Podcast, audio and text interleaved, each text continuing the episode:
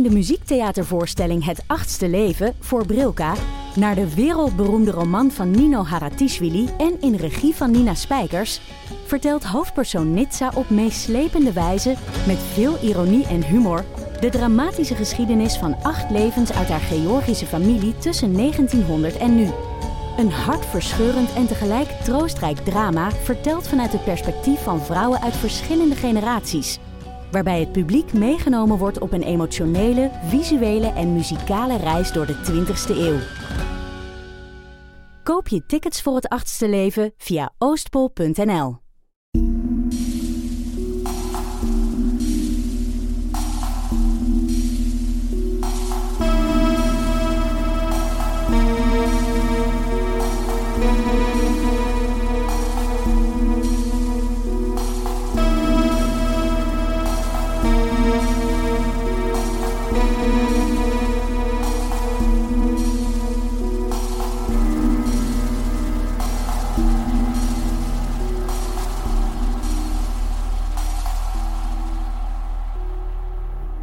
Dit vertellen ze je niet op de politieschool. Wie jaagt in het duister, wordt één met het duister. Hoe lang duurt het voor de jager ontdekt dat hij de prooi is geworden? Op criminebox.com jaag jij naar de sluwste moordenaars. Gebruik de kortingscode De Bende van Nijvel en start jouw onderzoek met 10% korting. Welkom bij aflevering 63, deel 1 van de Volksjury. Wij zijn Laura en Silke. Happy 2021! Oh ja, het is zo lang geleden dat we elkaar... Allee, dat we hier... Sowieso is het nieuw. Ja, welkom in onze nieuwe studio. Maar dat we toekoor hebben, hebben samengezeten. Ja, ja, ja, dit is echt... Um... Oh mannetjes, een aanloop hier naartoe. Wij hebben zoveel stress, dat kunnen jullie niet voorstellen. Nee, ik heb... Um, ik heb al lang niet meer dit gevoel gehad. Dit is echt van examens geleden dat ik zoveel stress. zoveel stress heb. Omdat ik, wij willen het alle twee gewoon goed doen, maar de bende van Nijvel is gewoon zo gigantisch groot. Daar komt je ook niet aan. Ik heb, toen we begonnen aan onze research, een keer beginnen zoeken naar andere podcasts of um, ja. ja. vlogs of, of, mensen die in ieder geval nieuwe sociale media gebruiken om dit verhaal te vertellen, los van krantenartikels die dan enkel gaan over eh, een bepaald aspect of zo. Um, maar buiten boeken is er niemand die er zich aan waagt. En de mensen die de boeken schrijven zijn mensen die jarenlang... Die zijn van, daar, van bij het begin al bij ja, betrokken ja, geweest. Dus dat is wat dat het zo moeilijk maakt voor ons. Jij zei het net voordat de aflevering begon. Elke naam dat wij zijn tegengekomen in het boek of in onze research is nieuw voor ons. Ja, ja. we kennen de ministers van de jaren tachtig niet. We kennen de bandieten van de jaren tachtig niet. Um, ja, het is het... Oh, mannetjes. It's been a ride. Maar ik vind het leuk dat jullie al ons, ons allemaal succes wensen en, en ons allee, hè, vertrouwen in wat dat we gaan doen. Um, maar hè, ik zou willen zeggen dat ik, dat ik in de periode dat we niet hebben opgenomen echt gerust heb en ben bij, allee, hè, op mijn positieve ben gekomen van al het harde werk van vorig jaar. Maar al mijn vrije tijd is naar de bende van Nijvel gegaan. Ja. Maar echt alles. Ja, we hebben, um, ik denk, de laatste aflevering um, ergens eind november opgenomen. Um, en dan zijn wij uh, ja, eigenlijk onmiddellijk hieraan begonnen. Ik ben ja. nog even tussendoor verhuisd, wat een idee. Maar ja, het is gewoon niet gestopt. Elk vrij moment hebben we hierin gestoken. En nog hebben we het gevoel dat, dat, we, er, dat we er niet klaar voor zijn. Dat we echt gestudeerd hebben voor een 10 op 20. Um, maar we gaan voor meer, hè? We gaan voor meer. En we hopen dat jullie er iets aan hebben. Um, ik hoop gewoon dat er heel veel jonge luisteraars zijn um, die dit niet bewust hebben meegemaakt. Want ik denk dat we wel een soort van goede inleiding... Ik denk en... het wel. Ik denk... Uh, want we hebben gewoon op een gegeven moment die knoop moeten doorhakken. Hè? Ja. Want je komt in zoveel rabbit holes terecht als ja. je met je research bezig bent. Mm -hmm. Dat je gewoon ja, het stopt gewoon niet. Elke naam brengt iets nieuws. Ja, ja. Um, en we hebben gewoon voor onszelf moeten beslissen van kijk, we moeten dit gewoon um, in de mate van het mogelijke zo simpel mogelijk houden. Ja. Gewoon omdat het voor ons ook vrij nieuw is allemaal. Ja. Maar ook voor de luisteraars. Voor heel veel van jullie is het ook gewoon nieuw. Nieuwe materie. Um, om te beginnen wil ik nog eens even een oproep doen. Hè. We hebben jullie ergens halverwege um, onze uh, pauze laten weten dat we um, uh, drie afleveringen maken zelf rond de Bende van Nijvel. Dus nu, dit is de eerste, er komen er nog twee. En in de vierde aflevering roepen we jullie op voor verhalen. Um, zij het niet van uzelf, tuurlijk graag. Ik bedoel, als er daders zich willen melden, prima Dat is ons. toch wel mijn doel van deze reeks? dat er iemand die zich erbij bij betrokken was, toch denkt, ga Laura en Silke een berichtje sturen. Weet je wat? Die meisjes verdienen een primeur. Och, Garm, zo hard gestudeerd. Uh, nee, dat zou fijn zijn. Maar ook verhalen van jullie ouders, grootouders.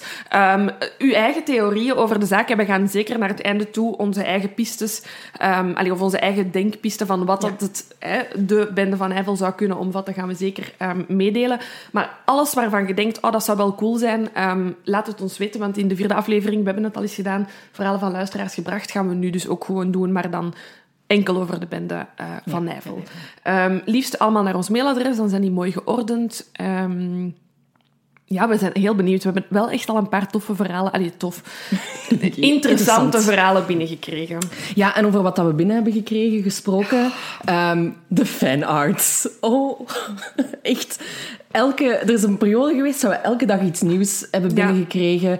Um, ik denk dat jullie ook gewoon heel erg zaten te wachten op nieuw materiaal van ons. En daarom zelf maar uh, dingen zijn beginnen maken. En het is gewoon echt superleuk om, om zoiets te mogen ontvangen. En, oh, hoe kan het dat jullie allemaal zo getalenteerd zijn? Ja. Echt, en, en ja. heel verschillende dingen, van collages tot tekeningen tot... tot ja. Een poster van de bende van Nijvel. het is echt um, ja, onwaarschijnlijk gewoon. I, I love it. En please, laat, blijf, blijf sturen. Ja. Um, we hebben ons wel nu voorgenomen om ze een beetje te bundelen als we ze nu gaan posten, want anders gaan jullie misschien meer fanart zien dan wat anders. Um, maar ja, dat verwarmt ons hart. Dat heeft ons er Ja. ook wel echt een beetje doorgetrokken. Ja, want ik miste het ook wel. Ja. Hè? Uh, want je bent continu bezig met uw research voor de bende van Nijvel. En ja, je kent dat, hè, een blok is niet tof hè, om, Nee. om, om dat te doen. Dus het is wel tof om dan dat een beetje te kunnen afwisselen met, uh, met wat, wat, wat we van jullie Ja. kregen. Ja. Ja, het is eigenlijk ongelooflijk als je ziet dat we, we zeggen dat als mensen dat soms aan ons vragen, hoe lang doet je over een aflevering te researchen, zeggen we meestal, goh ja, toch wel 7, 8 uur. Ja, een dag, een werkdag. Ja. Ik durf ze niet tellen, de werkdagen dat die hierin zijn gekomen. Ik ben hier echt aan begonnen uh, rond kerstmis. Ja, ja, same. En ik heb zelfs een week vakantie gehad. Ben ik in het boek van, van Hilde Geens uh, beginnen lezen, Ja. beetgenomen. Um, en sindsdien ben ik eigenlijk, uh, ja, zoals ik zei, al mijn vrije Ja. tijd is hier naartoe Ja. gegaan. Mijn Netflix-lijst wordt zo lang, ik heb geen tijd om te kijken, omdat ik hiermee ben bezig geweest. Ja, het is echt iets. Dus ik hoop dat er gewoon iets goeds uit, uit voorkomt. We zullen misschien even schetsen Ja, hoe dat het- um, hoe dat de afleveringen Ja. in elkaar zitten. Um, hè, we hebben dus drie afleveringen. In de eerste aflevering hebben we het alleen maar over de feiten van de bende van Nijvel. Dus dat wil al wel wat zeggen, denk ik. Mhm. Um, over de, in de tweede aflevering gaan we het over de pistes hebben. Um, wie zou erbij betrokken kunnen zijn? De motieven, waarom zou, zou de bende van Nijvel toegeslagen hebben? En in de derde aflevering um, gaan we het hebben over wat er eigenlijk de afgelopen jaren Ja. nog is gebeurd. Het onderzoek eigenlijk. Ja, want de, de afgelopen jaren, dat heb ik ondervonden in ieder geval, hè, dan was er hier een artikel over de bende van Nijvel en daar een artikel over de bende van Nijvel. Maar ik had geen idee wat dat, dat precies allemaal Nee. inhield of waarom dat, dat relevant was. Ja, ons, onze hoop is eigenlijk dat door deze drie afleveringen, als er morgen iets in de krant komt Ja. over de Bende van Eiffel, dat jullie allemaal zoiets hebben van ah. dat hoort bij die piste, of ja, die is al eens verdacht geweest, of eh, die heeft al eens 36 keer bekend, want ja, zo'n mensen zijn er. Ehm, ja, dat is eigenlijk een beetje het doel. Het is ook niet erg als je denkt, ik ga dit nog eens een keer moeten beluisteren. Ja. Wij hebben ook in onze research heb ik ook artikels drie, vier keer moeten lezen, omdat ik denk, wat staat hier nu?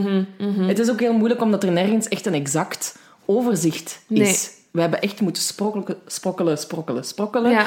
En in het boek van, van, van Hilde Geens, hè, beetgenomen, super interessant boek, maar ik denk dat ik het verkeerd heb aangepakt. Ja. Ik denk dat ik eerst Had moeten researchen. had moeten researchen en dan bij, bij Hilde Geens terechtkomen en denken, ah, want Hilde Geens is, hè, die is er al van in Ja, het gaat dus. Silke wijst altijd naar hier. Waarom? Omdat het boek hier naast mij ligt. Ehm, Hilde Geens is een journalist die onder andere voor Humo heeft geschreven. En die heeft zich eigenlijk bijna haar volledige carrière, vanaf dat er ja, nog maar een zuchtje Bende van Eiffel in de pers kwam, heeft, heeft, heeft zij dat opgevolgd. Ze heeft ook um, uit zichzelf heel veel onderzoek gedaan. Zelf mensen opgezocht, slachtoffers, uh, mogelijke verdachten. Heel veel interviews gedaan, uh, onderzoeksjournalistiek gedaan. Ja. Echt heel, heel, heel chique dingen. Um, maar ik denk wel dat het handig is om haar boek te lezen nadat je al iets weet over de Dus luister eerst naar ons en lees dan het boek van, van Hilde Geens. Maar dit is echt zo'n naslagwerk. Ja, ongelooflijk. Eh, dit is ehm, heel straf hoor, wat Ja. dat zij gedaan ja, heeft. Ja. echt. Ik, ja, ik heb er heel veel, heel veel bewondering voor. Ja. Um, ik denk ook, als er iemand het nog gaat oplossen, is het Hilde. Ik weet het niet, ja. Ik mag het hopen. Ja. Ja, Dat het op, ja, want dat is het dus ook. Hè. Het is Ja. opgelost, onopgelost. Ehm, en we zullen zien. Wie weet komt er bij ons nog iets... eh, dat zou de ultimate goal zijn. ik betwijfel het. Maar goed, we, blijven positief. We blijven positief, ja. Oh ja, misschien ook gewoon nog een kleine reminder. Uh, we nemen alles in één keer op. Ja. Uh, de drie afleveringen op één dag. Dus als we zo straks Aan het wenen zijn. op wenen zijn, doorgekookt zijn, hysterisch aan het lachen zijn, dat is omdat het ja, gewoon lang gaat duren vandaag. Ja, en het is, uh, we, zijn, we, we beginnen gewoon met water. Ja, ook voor de mensen die denken dat we ziek zijn. Nee. De kava is voor aflevering 3. Ja, ja, dan permitteren we het ons. Ja, inderdaad. Oké, okay, ja, kijk. Het moet, we moeten er gewoon aan beginnen, hè. Let's go. De bende kort. De bende kort. De bende van Nijvel was actief van 19... Uh, Hallo, ik ben Silke van den Broek en dit is mijn spreekbeurt.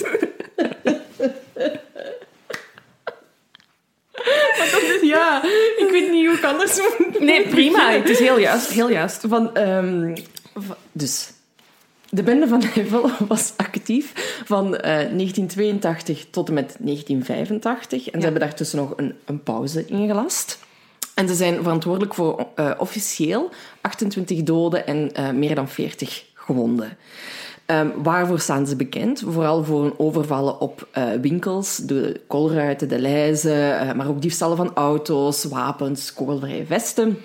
Um, en wat dat opmerkelijk is aan de bende van Nijvel, is dat hun buit eigenlijk een beetje verwaarloosbaar was. Ja. Um, als je kijkt naar het aantal slachtoffers dat er is gevallen. Ja. Um, en daardoor opent dat eigenlijk de mogelijkheid voor een soort van conspiracy... Speculatie. Speculaties over van, ja, waren het dan niet gewoon bandieten, zoals het dan genoemd wordt, maar... Zit hier meer achter? Zit hier meer, zit de regering hier bijvoorbeeld achter? Ja. Of de staatsveiligheid? En dat zijn allemaal dingen waar we in aflevering 2 uh, zeer diep op in gaan gaan. Um, en ja, aangezien het ook nooit is opgelost... Want wij hebben daar ook nog over gediscussieerd. Mm -hmm. Van ja, we weten niet exact met hoeveel leden de bende was. Ja. Jij hebt naar mij op een gegeven moment gestuurd... Ja, maar met hoeveel, met hoeveel zijn die nu? Mm -hmm, mm -hmm. Um, en er zijn uh, Franse profilers, die hebben zich daar op een gegeven moment opgezet en die zeggen van, kijk, ze waren waarschijnlijk met drie. Ja. Dus in mijn hoofd, voordat ik hier iets van wist, dacht ik dat die met, met veel meer waren. Want het is ja, een bende en in, in mijn hoofd... Is een bende wel wat meer, ja. meer. Maar het, het zouden er dus drie zijn... Uh, of de, de, de, kern in ieder geval. Um, de, de killer, die mm -hmm. zou de meeste mensen vermoord hebben. Mm -hmm. De reus, hè, die, die, wordt zo genoemd omdat hij blijkbaar 1,90 meter was. En dan was er ook nog een oudere man die iets meer op de achtergrond ja. uh, zou blijven. Ja. Um, maar dat is eigenlijk wat dat we allee, weten over die Waar mannen. we weten dat we naar op zoek zijn, ja, eigenlijk. Inderdaad.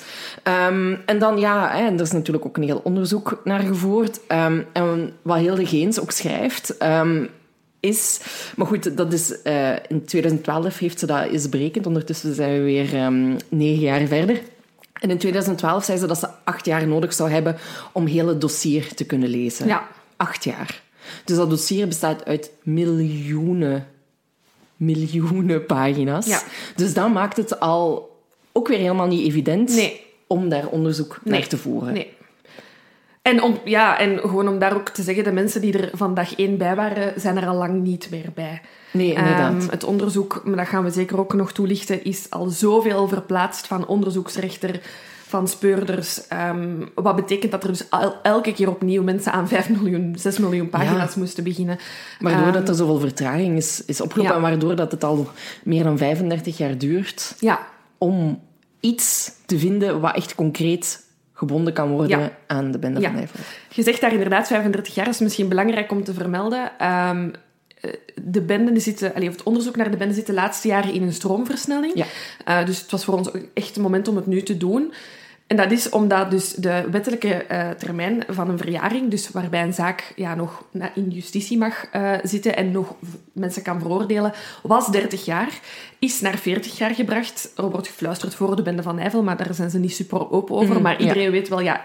Dat heeft daarmee gewoon dat heeft te maken. ermee te maken. En we zijn inderdaad aan die 35 jaar. Hè, dus we hebben nog een kleine vijf jaar... Um, als we mensen voor, uh, ja, in de rechtbank willen krijgen voor deze zaak, hebben ze nog iets minder dan vijf jaar de tijd. Dus dat maakt het wel allemaal heel spannend. En dat is denk ik ook waarom dat we zien dat er de laatste tijd zoveel um, dingen in het nieuws uh, ja. verschijnen. Maar dat is dan voor de laatste aflevering. Dat is voor de laatste aflevering. Ik wil nog heel even de, de context van de jaren tachtig schetsen voordat we uh, naar de overval gaan.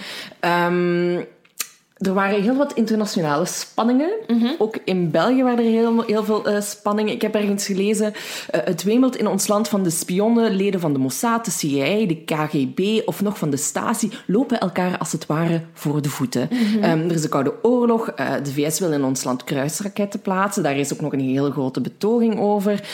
Um, en ons land maakt ook kennis met terrorisme, want je hebt de, de CCC, mm -hmm. de Cellule Communiste Combattante. Dat is een, eerder een linkse groepering die... Een van de C staat voor communisten, dus eerder links is een understatement. Extreem linkse groepering. Bon, de eerste fout is gemaakt. Nee, ik vond het heel voorzichtig gewoon.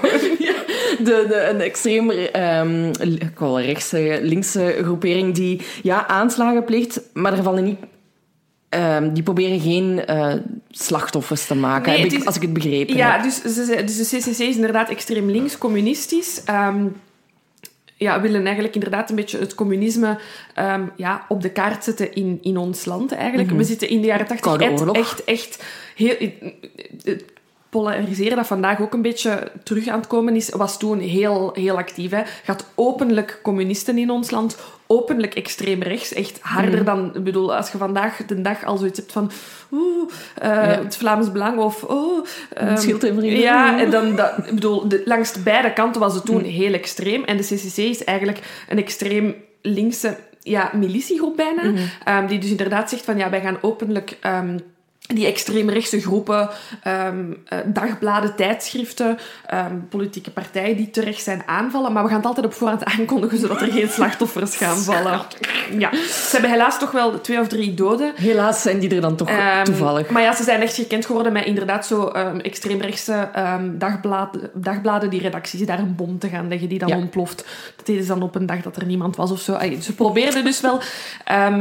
maar dus je merkt dat er wel een, een, een vorm van terreur is. Ja. Hè? Absoluut. Um, er... En daar springt dan de bende van Nijvel ook nog eens op. Ja, hè? ja, ja. dus de jaren tachtig... Ja, ik ben er geen lid van geweest. Um, 90s kid, maar ja. het klinkt heftig. Oeh. Ja, jij, zei, jij stuurde mij ook gisteren van... Uh, ik weet niet wat, dat, wat de jaren tachtig gepakt heeft, maar... maar dan denk ik, ja, wij maken nu ook 2020 en 2021 mee. Ja. Dus uh, het is... Um, sowieso intens. Ja, ja, maar ook iets waar ik enorm van verschoten ben, ook in de ruimere context van de jaren tachtig, is de corruptie. Um, ja. Dus um, er, er is, aan de bende van Eiffel wordt vaak corrupt, corrupte, corrupte oh mannetjes, politieagenten en rijkswacht gelinkt. Um, maar in onze research ben ik zoveel corrupte ministers, mm. cor corrupte hoofd van politie tegengekomen. Dat zelfs nog niet eens iets met de bende te maken nee, had, maar echt inderdaad gewoon ja, er gebeurde zoveel. Je hebt, je hebt de grens tussen de onderwereld en de bovenwereld. En op de jaren tachtig... In de jaren tachtig was, ja, ging dat echt heel goed samen. En had je veel koorddansers precies op ja. die grens. Um, en mensen die dan ook macht hadden. Ja. Um, iets wat ik nu het gevoel heb dat hopelijk minder is. ja, je, je wilt dat wel denken ja. of geloven. Hè, maar ja, dat is iets waar, waar wij niet van op de hoogte nee, zijn. Nee, nee. Maar laat ons hopen dat het beter is ja. dan in de jaren tachtig. Ja, in inderdaad. Bon, dit is dus de jaren tachtig. Welkom. nu een jaren 80s jingle. Oh, zou goed zijn. Zou goed geweest ja, zijn. Ja. Ik ga misschien wel iets regelen.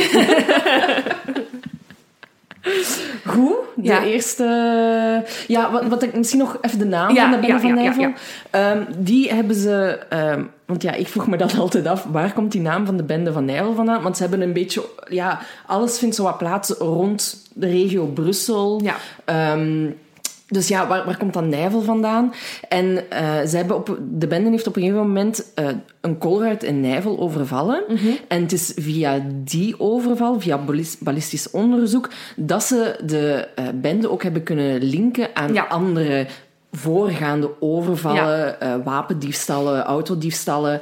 Ehm, en het is toen dat de politie dacht, ah, we zitten met een bende, We zitten met een bende, ja. we gaan die, de bende van Nijvel Ja, dus, noemen. want de, die overval in, ehm, in Nijvel is echt, eh, halver, allee, echt halverwege hun parcours, Ja. hè, eigenlijk. Eh, dus er zijn al heel veel daden die, die ervoor gaan. Ehm, maar het is inderdaad door eh, wapens die gebruikt worden in Nijvel, ehm, wagens die gestolen zijn en die gespot zijn in Nijvel, dat ze kunnen teruggaan en zeggen, ah tja, die dat wapen hebben we daar ook gezien en die wagen is daar ook gebruikt. Dat ze in, in, inderdaad ineens een geheel... kunnen vormen. En ehm, in de eh, Vlaamse pers hebben ze dat de Bende van Nijvel genoemd, naar die Colruyt. Ik vind het wel opmerkelijk, dus in eh eh, Waalse of Franstalige, ehm, Franstalige spreken Ja. van Le Tueur de Brabant, dus Brabant, hè, de moordenaars van Brabant. En ook in het Engels is het de Brabant Killers. Ehm, dus wordt er eigenlijk echt over de provincie gesproken, waar dat ze effectief ook het meeste eh, actief zijn geweest. Ehm, maar ik vind op zich vind ik het wel, wel, wel cool dat het dan naar allee, de plek waar het allemaal samenkomt, Ja. op onderzoekvlak, ehm, ja, dat het daar naar wordt vernoemd. Het enige wat ik daar nog bij wil zeggen is, ik had zoiets van, je begint die lijst van zaken te overlopen en je denkt, ja maar, ik bedoel, hoe moeilijk kan het zijn om te denken dat dit allemaal dezelfde mensen zijn? Weet dat in de jaren tachtig zij niet de enige bende zijn. Ah, nee, er gebeuren zoveel er zijn zoveel andere overvallen van supermarkten die zij misschien niet, misschien wel hebben gedaan, maar er waren nog bendes actief die hetzelfde deden. Ehm, wat dat de bende eh, van Nijvel eigenlijk uitzonderlijk maakt, is het gewoon het hele hoge eh, geweld en dodental ten opzichte van de buit. Hè. Je had in dezelfde periode de bende van Hamers, eh, ook iets heel interessant, die ook winkels overviel, postkoetsen over, allee, postkantoren en geld, Geldcouriers, ja. geldcouriers, waar- postkoets. 1850 of zo. Ik zag dat ook echt. Postkoets. Nee, ehm, dus je had veel bendes die actief waren. Dus ik vind het op zich al opmerkelijk ja, dat er een verband moet worden gezocht in bepaalde zaken en dat je van bepaalde zaken als onderzoeker moet zeggen nee, dit is een andere bende. En dat ze het verband ook echt wel hebben Ja, kunnen vinden. Ja, ja. Crazy. Dat is toch wel één ding. Ja, voilà. Dus het kind heeft een naam gekregen. Voilà, dan gaan we over naar de eerste feiten waarbij ze eigenlijk wat voorbereidingen precies aan het treffen ik zijn. heb hè? het gevoel, ze starten... eh, dus eh, officieel is de... eh, want eh, er is niks zeker, want we Hmm. hebben geen bekentenissen, we hebben geen daders. Dus maar officieel wordt 13 maart 1982 gezien als de geboorte van de bende van Nijvel. Ehm, het begint heel rustig. Ehm, ik, ik heb het gevoel, de eerste vier feiten zijn eigenlijk ja, een opwarming voor hen. En, en, en in elk van die feiten komt er iets naar voren wat dat hen typeert. Het eerste wat ze doen, is een diefstal van een tweeloop, een wapen, hè, in een wapenhandel in Dienand. Ze gaan... Er worden twee, drie mannen gespot die de winkel binnengaan. Die zijn niet gemaskerd. Eh, de verkoper is met iemand anders bezig. Die mannen verlaten de winkel en de verkoper merkt... Ju, Er is er iets er verdwenen. is een wapen verdwenen. Dat is het. Dat wordt gezien als de eerste ehm, actie van de Bende van Nijvel. Waarom? Omdat dat wapen later hè, in andere ehm, zaken terugkomt en waarmee dat dan geschoten wordt, waardoor dat ze deze diefstal eigenlijk kunnen linken als het eerste bendefeit.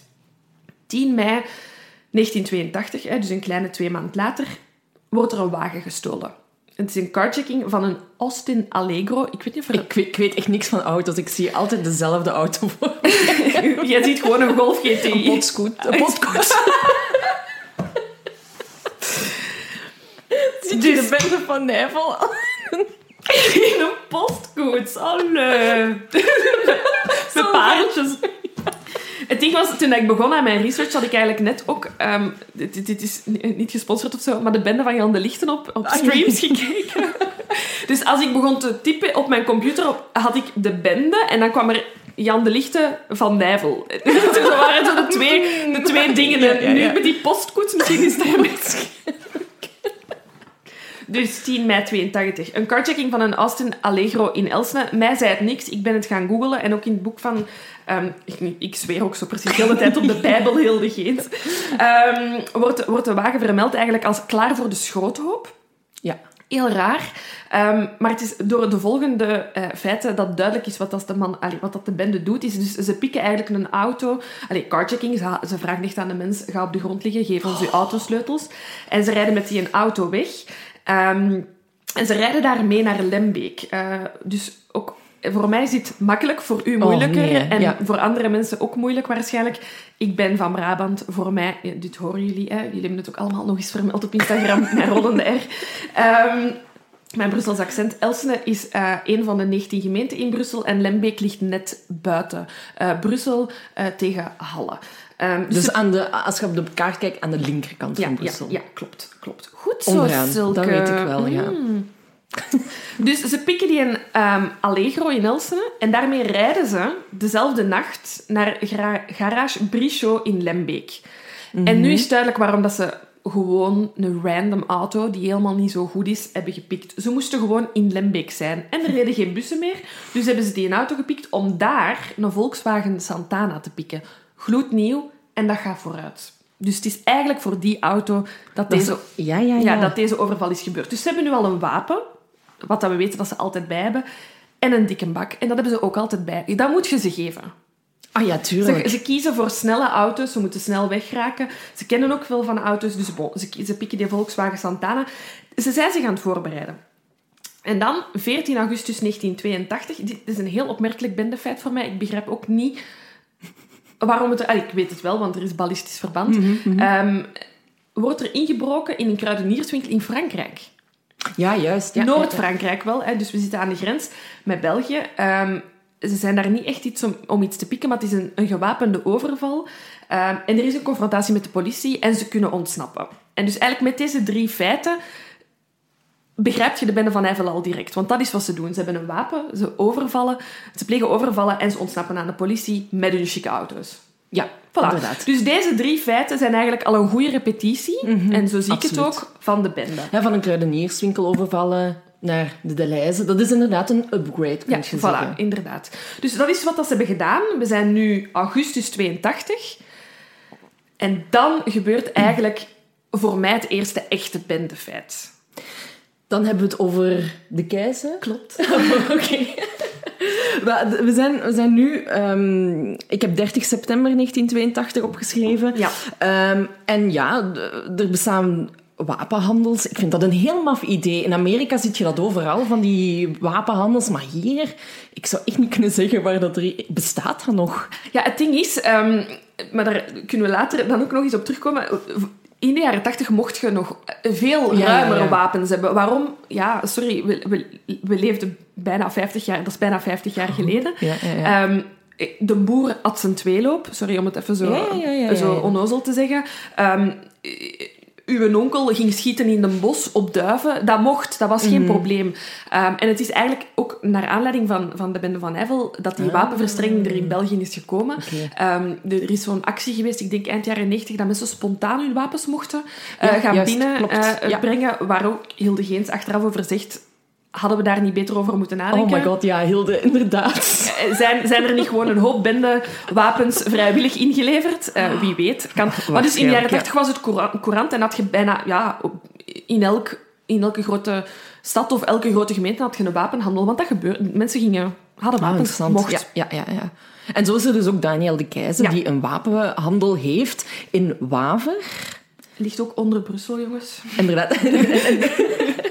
En de keizer is een, ehm een wapenfreak eigenlijk van 27 jaar. En eigenlijk, de, de winkel was een uur open.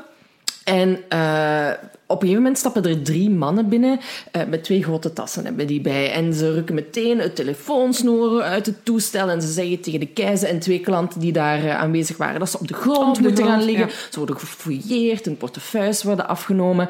Ehm, en de keizer moest dan ook nog eens twee sleutels van een paar kasten afgeven, waarschijnlijk om eh, wapens uit te kunnen pikken.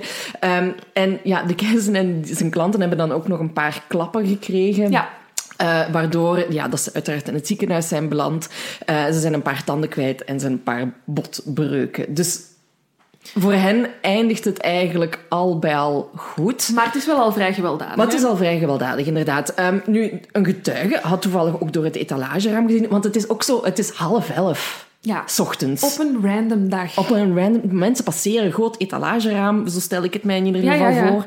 Ehm, die ziet wat dat er gebeurt en die belt de politie. En dit vind ik alweer heel triest, wat dat er nu komt.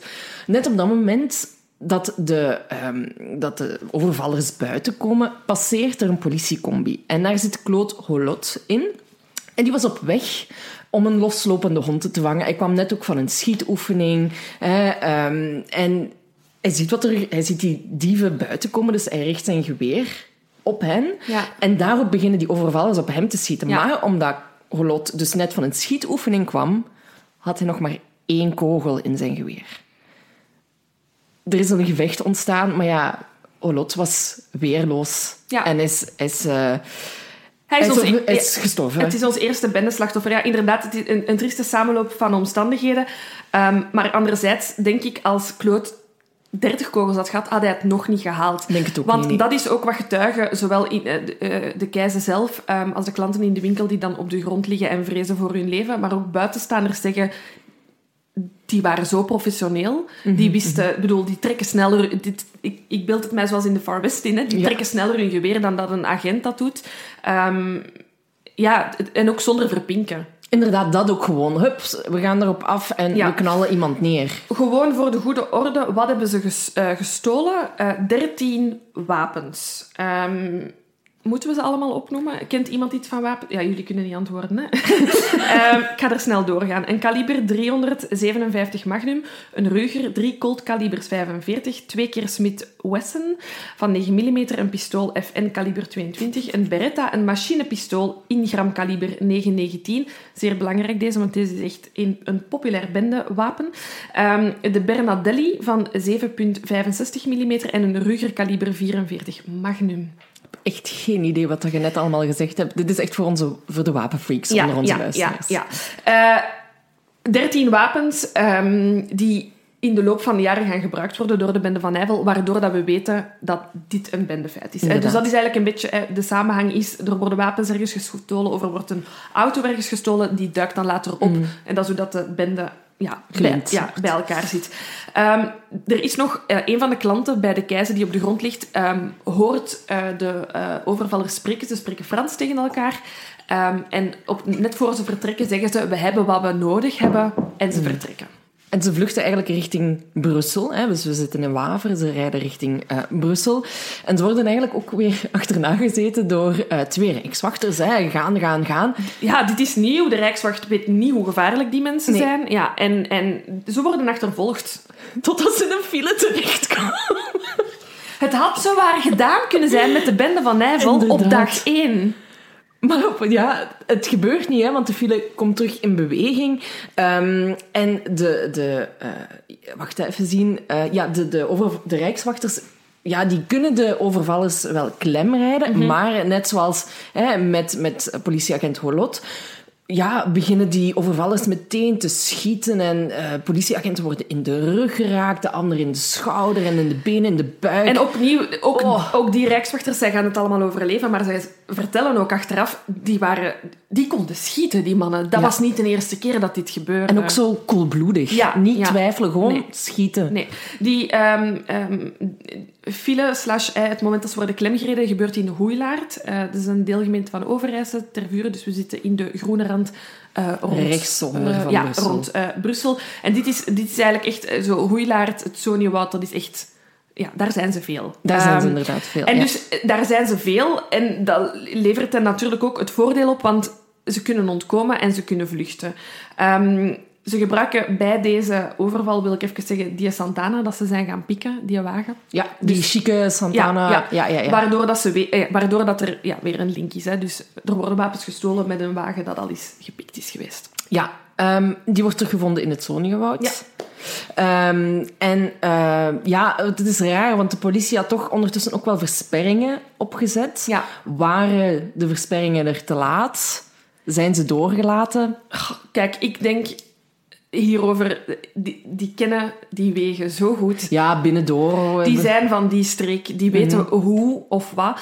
En dat is eigenlijk ook direct iets wat dat zeer belangrijk om te vermelden is. Eh, Los van het feit dat die agenten gepakt zijn in snelheid en in verbazing. Bende overvallen worden heel goed voorbereid, dat is duidelijk. Ze wisten naar waar ze moesten wegrijden. Ze wisten, worst case, als we achtervolgd worden, wat we moeten doen. Ze kunnen schieten. Ehm, we weten ook, bij deze wagen ehm, was het denk ik nu niet, maar het past nu wagens ook zo aan dat je goed kunt ja, Vlucht, allee, vluchten, schieten kunt ook. schieten, dat je sneller rijdt. Ehm, dus ja, ze kunnen, ze kunnen ontkomen. Voilà, inderdaad. Nu, eh, ze, ze vinden dan dus wel die, die, die wagen. Mhm. Eh, die was in brand gestoken, gestoken en smeulde nog zo wat na.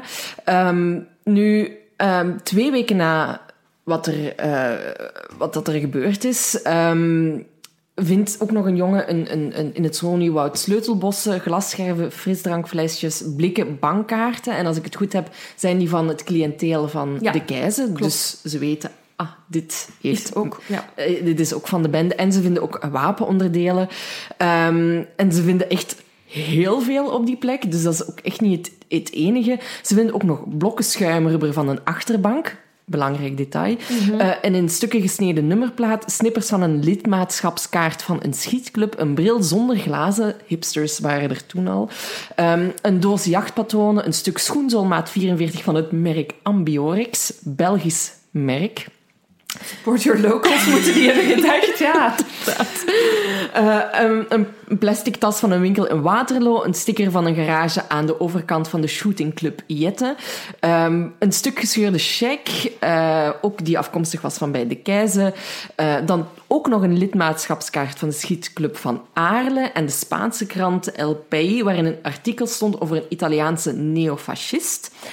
En ze vinden ook nog een polo-shirt met 22 inslagen van jachtpatronen eh, die in, het loop van de, in de loop van het onderzoek verdween. Bon, dit zijn heel veel elementen die ook weer de basis vormen van alle theorieën die er te maken hebben met Ja, de bende. Je hebt dit de shootingsclub, extreem rechts. Ehm, dit, Dit is een visitekaartje. is echt van, oké, ja, Dit zijn wij. dit zegt alles. Ja, Het is een beetje een plakboek van de bende van Nijvel. klopt, inderdaad. Alles wat dat er inderdaad later van theorie gaat opduiken, ehm, richtingen waarnaar dat er wordt gezocht, zit daar. Dat enerzijds en anderzijds zoveel. Hoe kan het dat daar niks is uitgekomen? En hoe komt het dat de bende zoveel heeft achtergelaten daar ook? Allee, wat een idioten. Sorry, maar... De, de- allee. Ja, ze, ze lopen de kantjes ervan af. Dit Ze vind ik al, echt aan het ja, testen, hè? Dit, Ja. Ik vind dit al zeer veel risico nemen. Hè. Ik bedoel, ze, zit, ze zitten vast in een file. Mhm. Ze vluchten, ze steken een auto in brand die dat ze gepikt hebben. Dus het is heel duidelijk van, kijk eens, dit hebben wij gedaan. Ik bedoel, je kunt een auto ook ergens bewaren of dumpen, maar niet in brand steken in het waar dat, dat gevonden gaat worden. Ja, tuurlijk, Eh, ik bedoel, ik weet, het is heel groot, maar toch, alles wat ze daar, of toch bijna alles wat ze daar hebben gedumpt, wordt achteraf gevonden. Ehm, dus ze zijn best wel zelfzeker, heb ik de indruk. Mhm, Ja. Ze, ze, ze laten wel wat sporen na. Niet dat ze gevonden willen worden, maar ik denk dat ze echt een s- onmiddellijk een Het is dat. grootheidswaanzin hadden van, maakt niet uit. Of ze zijn gewoon heel dom. Allee, in, de- in dat opzicht van, van een...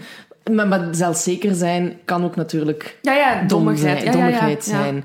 Want ik vind het raar dat ze daar zoveel gevonden hebben, wat dan inderdaad de gedachte was achter de, de leden van de bende van, "Pff, het is goed zo. Ja, ja. En dan gaan we, eh, zijn we drie maanden later. ja. Ik wou de- dus gewoon even zeggen dat ze heel veel wapens hebben. Dus dat ze, Ja, dat. Ze, een Ze goeie- zijn voorzien. Ze zijn goed voorzien. Ja, hun auto hebben ze wel in eh, brand gestoken, maar daar gaan ze binnenkort wel iets aan doen. Ik denk niet dat ze zonder auto zitten eigenlijk. Nee, inderdaad. Eh, we zijn nu 23 december 1982, dus drie maanden na de overval bij eh, de keizer. Ehm, wordt José van den Einde doodgeschoten. Een, een, in Beersel, waar ligt Beersel? Beersel ligt weer onder Brussel. Ehm, eigenlijk echt recht, bijna recht onder Brussel. Ja. Ehm, hij wordt, uh, José van den Einden is al iets, een iets oudere man en hij is eigenlijk de conciërge van de taverne van het kasteel van Beersel. Dus in, uh, in die kanten heb je um, nog wel zo wat kastelen en, en, en forten eigenlijk. En naast dat kasteel heb je um, een, een, een taverne, brasserie, trouwens heel gekend. We hebben ook al een berichtje ja, gehad op Instagram van iemand dat er blijkbaar vaak uh, nog altijd gaat gaan eten. José is um, dus enkel conciërge, hij baat de taverne mm. zelf niet uit en hij woont dus boven de taverne. De taverne. Hij is ook nog uh, een tijdje taxichauffeur ja, geweest. Ja. Ook een belangrijk detail uh, voor later. Mm -hmm. um, en ja, ze, ze, treffen hem eigenlijk in zeer uh, ernstige omstandigheden, allee, gruwelijke omstandigheden ja, dus het is eigenlijk aan, zijn zoon die aangeeft dat hij zijn Allee, die zijn vader uiteindelijk ook vindt. Dus hij kon die telefonisch niet bereiken. Ja, hoe, hoe, dat ik het heb gelezen, is dat hij eigenlijk iedere zoveelste dag naar de, de markt ging. Hij stond daar met zijn wagen, heeft getoeterd kwam niet ik kwam dagen. Nee. En dan is hij binnen gaan zien. En dan is hij binnen gaan zien. Hij komt dus boven in het appartement boven de taverne. Um, en hij treft uh, ja, zijn vader eigenlijk op de grond aan. Um, hij is gekneveld. Um, de telefoon, met de telefoondraad, die ook Denk is uitgetrokken. Ook, ja. het is daar, alles ligt daarover op. Maar het is op het eerste zicht niet echt duidelijk of dat er, iets, allee, of dat er echt iets gestolen is. Ja, de, allee, het, is ook echt wel gewoon met acht kogels afgemaakt. Hè? Ja, en sorry. En ook zwaar... en ook, sorry, ik was niet gewoon neer. hij ligt niet gewoon neer. En hij, nee, sorry, dat, dat wou ik inderdaad niet zeggen. Hij is afgemaakt en ook zwaar ervoor in elkaar geslagen. Ja, hij heeft zich nog geprobeerd te verdedigen, inderdaad. Um, want ze hebben zijn alarmpistool blijkbaar op de grond gevonden. Tafels en stoelen lagen overal. Um, en op het eerste zicht blijkt dat zijn aktentas en zijn portefeuille leeg zijn. Ja, maar dan gaan ze naar de taverne. En zo'n zo rare buit. Ik snap er echt niks ik van. Ik heb het opgeschreven. Ja. Weet je, ik denk, het is ook kerstmis voor de bende van Nijvel. Dat is wat ik denk. Wat hebben ze gestolen? Dure koffie, champagneflessen, Grand Cru wijnflessen, verschillende soorten bier. Deze zijn heel raar. Dweilen en handdoeken. Een blauwe matrozenmuts, een wollen jas, twee rollen aluminiumfolie. Oké, okay, want dat kunnen we niet krijgen. En een beige regenmantel. En ik heb ook nog 15 borden. Ah ja, borden ook. Voilà, Volgens mij was het echt gewoon een kerstfeest dat ze moesten organiseren. Ja, ja, ja. Dus um, heel raar. Waarom... Dit is, dit is een, een heel raar bendefeit. Hè. Er wordt iemand echt zwaar aangepakt, echt afgemaakt met kogels, in elkaar geslagen, met een telefoondraad vastgekneveld. Mm -hmm. Voor wat? Een beetje koffie en champagne? Er moet meer achter zitten. Ja. Dat is hè, dat is, de redenering ja, die dat mensen is, maken. Ja, dat is echt ook... eh, Dat, de mensen en, en de onderzoekers, mm -hmm. hè, die hebben zoiets van, dit kan niet. Um, en dit onderzoek van, van, deze, um, van deze zaak eigenlijk richt zich eigenlijk direct op het slachtoffer. Ja. Mag ik, mogen we daar al iets van zeggen? Uh, jij mocht daar gerust al iets van zeggen als je dat wilt. Ja, de, de, het ding is, omdat ik het zelf ook gewoon een heel op, opmerkelijk feit vind, het is niet, zo, niet echt duidelijk waarom dat de bende um, José per se moet hebben. Ze weten wel dat er een week ervoor ook een poging tot inbraak is geweest ja. in de taverne, uh, maar dat is niet gelukt. En um, dus de mensen van de taverne hebben zoiets van, ja, werden wij overvallen of werd José overvallen? Ja. Um, en het onderzoek um, richt zich op José van den Einde. Waarom? Die zou een link hebben met extreem rechts. Hè? Tijdens de Tweede Wereldoorlog stond hij, um, ja, laten we stellen, aan de foute kant van de geschiedenis. Hè? Hij is uh, meegegaan met extreem rechts, uh, partij Rex. Um, hij zou banden hebben met het Oostfront. Hij zou niet vies zijn van nazi-sympathieën. Mm -hmm. um, dus hij is, het is in, in die richting eigenlijk dat, dat ja, het onderzoek zoiets hebben van misschien moest gewoon José eraan geloven. Ja, en dan was het niet per se de taverne die ja. geviseerd is geweest. Voilà. Maar dat onderzoek valt eigenlijk ook vrij snel da, Dat is wel bij, bij elke... Um, want dat wil ik wel even zeggen, bij elk feit zo. Want we, we zeggen de feiten en dan is er even niks. Maar dat is ook gewoon omdat de onderzoeken stilvallen. Ja. Er wordt, we kunnen er voorlopig ook nog niet meer over zeggen. Gewoon dat je het weet. Hè. We zijn dus nu bijna in 1983 en het onderzoek gaat pas echt in 1985 ja, van start. inderdaad. Uh, want het volgende, wat het volgende feit is um, weer een, een, een moord. Ja.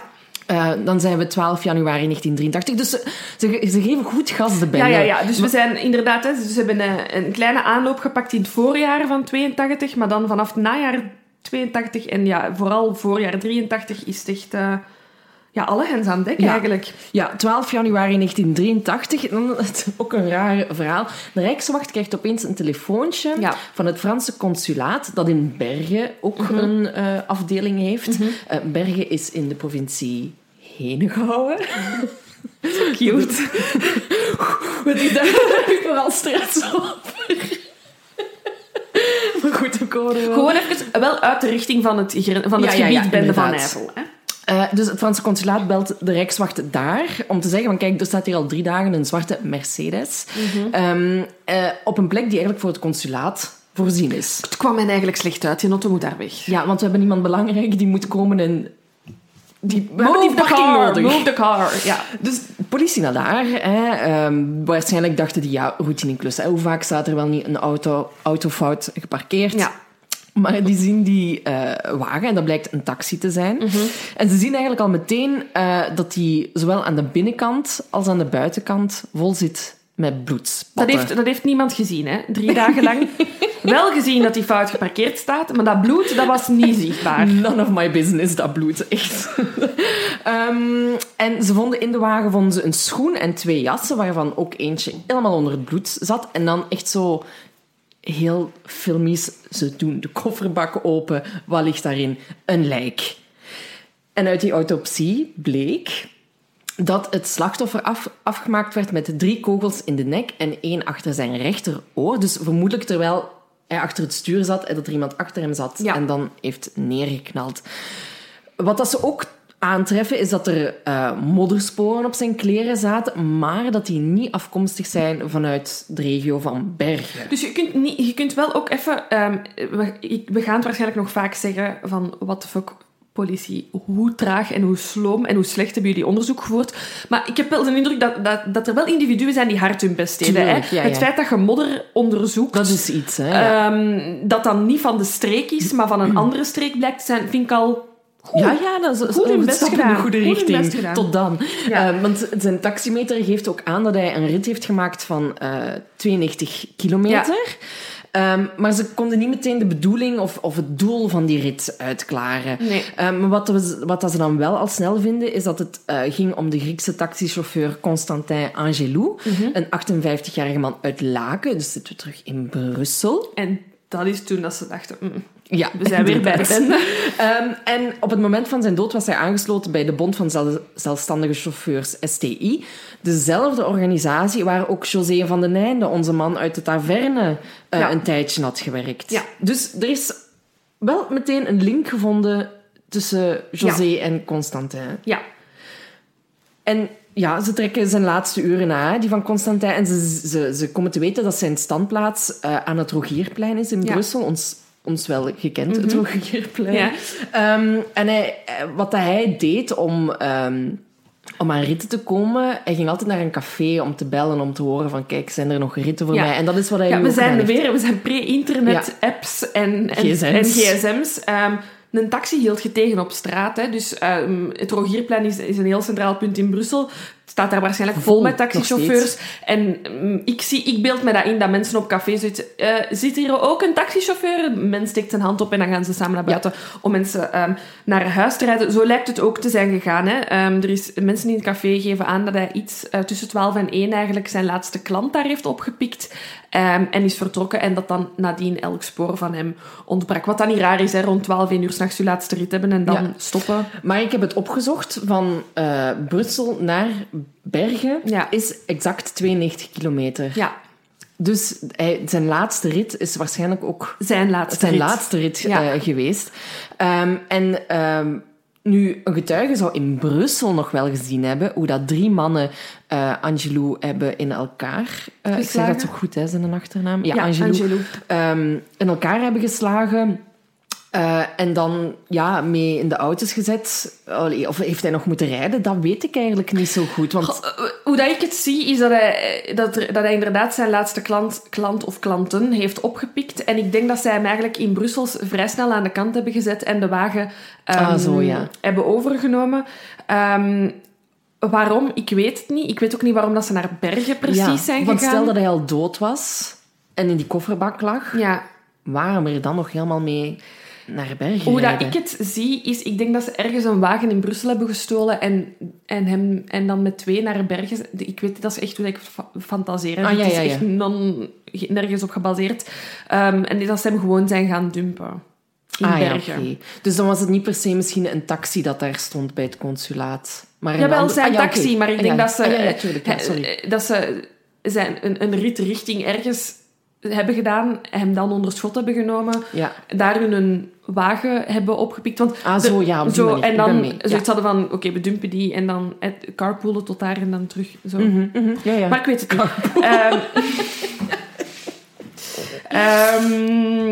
want ja, ze hadden wel... Ik, ik- dat, dat zeg ik alleen omdat ze de dringend een wagen nodig hebben voor hun volgende Ah, ja, actie. ja.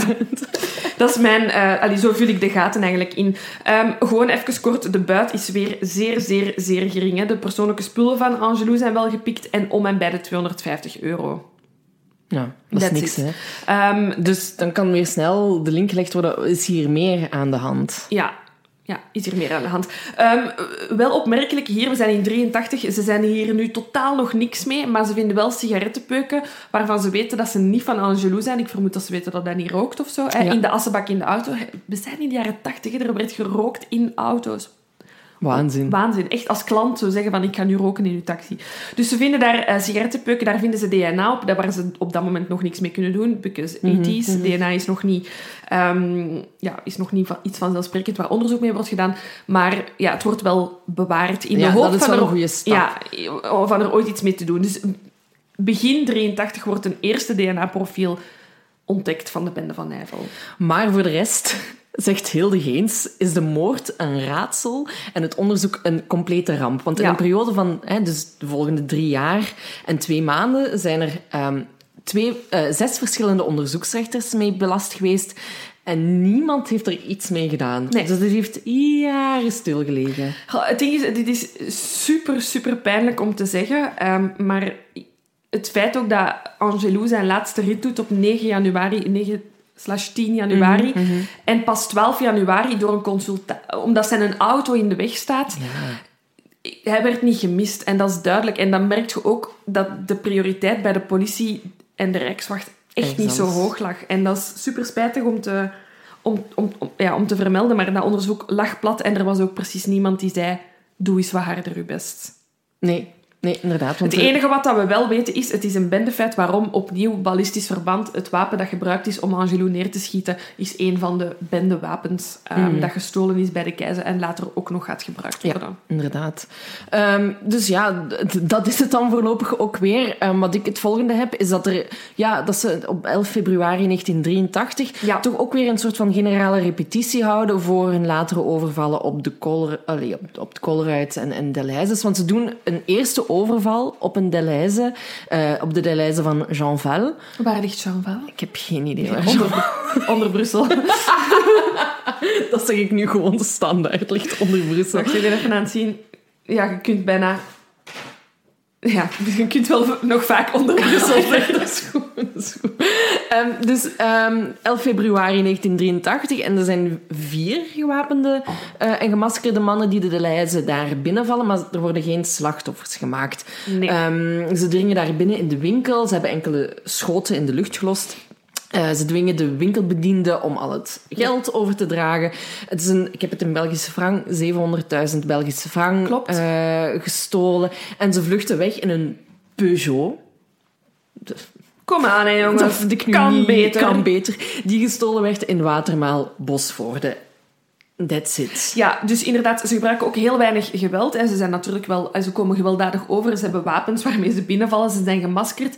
Ehm, maar ze maken geen gewonden. Nee. Ehm, en het gebeurt ook overdag, niet rond sluitingstijd. Ja, Wat inderdaad. ook... ehm, ja, een beetje aftoetsen precies wat dat ze aan het doen zijn. Ik heb inderdaad ook dat gevoel, want de, de volgende die dan weer al op het programma staat, is op 25 februari van 1983. En dat is de overval op de Delhaize van Ukkel. Sorry, ik ga daar even tussen komen.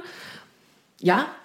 Die Peugeot waar Stilke zich zorgen over maakt, ook de bende maakt zich zorgen. Er worden twee wagens nog tussendoor gestolen op 14 februari. Dat kan beter, jongens. Eh, Die, Die, hebben echt zoiets van, die Peugeot niet nog eens. Onze reputatie. mm. Nee, dus 14 februari 83 gaan ze voor een classic, jawel, een Golf GTI wordt gestolen. Ja, ja, ja, ja. Dat is echt... ehm, ik weet ook niet waarom. Oké, er zijn wel... Ik denk dat er in totaal drie of vier keer een Golf GTI ehm, aanwezig is. Maar de band had heel veel wagens. Hè, maar ik denk dat dat degene is dat het meeste terug is gekomen. Er zijn ook heel veel mensen toen, als ik het eh, mij goed herinner van, van, van wat mijn papa tegen mij gezegd heeft, dat er toen heel veel mensen Golf GTI's zijn gaan kopen, omdat Golf GTI's toen zoveel in het nieuws kwamen door Ja. de bende van Ja, Nijvel. ik heb, we hebben ook al, ik het bewaren, een leuk Golf GTI-verhaal binnengestuurd gekregen. En ik heb er zelf een persoonlijk, alleen niet van mij persoonlijk, maar een perso- iemand Dus het is ook wel... dit is eigenlijk de wagen van de bende van ja, ja, ik ik denk als je in de slimste mens zit en je moet tref, tref worden, denk ik dat Golf GTI een goede kans maakt om hem te halen. Ehm, dus die, die stelen ze op 14 februari 83, echt amper drie dagen na hun overval in Jeanval. Dus ze zaten wel echt zoiets met die Peugeot moet weg. en 22 februari eh, stelen ze een witte Audi 100 in Waterloo. Ehm, Klinkt goed. Ga, ga, dat gaat vooruit. Dat, dat is het enige wat ik over die wagens kan zeggen. Dat gaat goed vooruit. Dus ze hebben, dat is 22 februari en dan 25 februari Zijn we in Ukkel. zijn in ze klaar. Ze zijn er klaar voor Ukkel, een van de 19 gemeentes van Brussel. Inderdaad. En ehm, dus ze ha- herhalen eigenlijk hetzelfde scenario als bij de Deleuze in Jeanval. Ja. Ehm, maar ze zijn nu wel iets later. Ja. Het is al half acht. Ja. S S'avonds, ze zijn nu met drie. Ja. Eh, ze dringen ook weer binnen. Eh, ze nemen daar 600.000 eh, Belgische frank mee. Maar wanneer ze de winkel verlaten, valt er voor de eerste keer bij zo'n Deleuze uh, Colruyt-overval een gewonde. Ja. Dat is gewoon een toevallige voorbijganger eh, die probeert te vluchten. Ellie, of Elie Collet. En hij raakt gewoon aan zijn knie. Ja. Ehm, ze vluchten dus in hun golf. Ja. En eh, ja, het, het ballistisch onderzoek toont aan dat een van de wapens die gebruikt werden in Ukkel ehm, dezelfde kenmerken vertoont als het wapen dat gebruikt werd tijdens de overval op de Deleuze van Jean Val. Ja. Dus er- ze kunnen weer een link vinden. En het is ook voor de eerste keer eigenlijk dat een getuige een grote man Signaleert. signaleert als Ja. een van de bendeleden. En die golf, eh, die ze dus gestolen hadden, die wordt uiteindelijk eh, pas in juni Mhm. eh, teruggevonden in het Bois de Hourpais. Mhm. In, in Anderlu, maar ik weet niet onder, onder Brussel. Onder Brussel. Ehm, voilà, en dat is het ook weer over, over deze overval. Ja, inderdaad. Dus we zitten eigenlijk met, dus tussen 25 februari, wanneer dat ze Ukkel overvallen, en Jeanval 11 februari. Sorry, dat zijn twee weken. Ik zou nog echt aan bekomen zijn van, ik heb net een Deleuze overvallen. Ik heb daar 600.000 frank gestolen, maar die zijn zoiets van, nee, hup, volgende, volgende, Volgende, volgende. ja, we zitten in de flow. Ja, ze zijn aan het gaan. Eh, en ze stoppen niet, hè, want eh, echt weer minder dan twee weken later, 3 maart 1983, ehm, hebben ze zoiets van: we hebben het gehad met de lijst. We gaan eens naar de concurrentie. We gaan naar de Colruyt van Halle. Ehm, en dit is weer een mijlpaal voor de bende van Nijvel, want dit is wat ze hier doen. ehm, eh, gaan ze helaas nog vaak herhalen. Ehm, ze overvallen de Colruyt van eh, Halle. Ze, op zich, de start lijkt hetzelfde. Hè. Ze komen gemaskerd toe op de parking. Ehm, eh, ze, ze komen allemaal samen uit één wagen. Ze stappen met maskers en wapens eh, de Colruyt van eh, Halle binnen. Ehm, en hier gaan ze onmiddellijk eigenlijk... Dus ik denk dat een deel van de overvallers... eh, ik weet niet meer hoeveel ze hier zijn, sorry.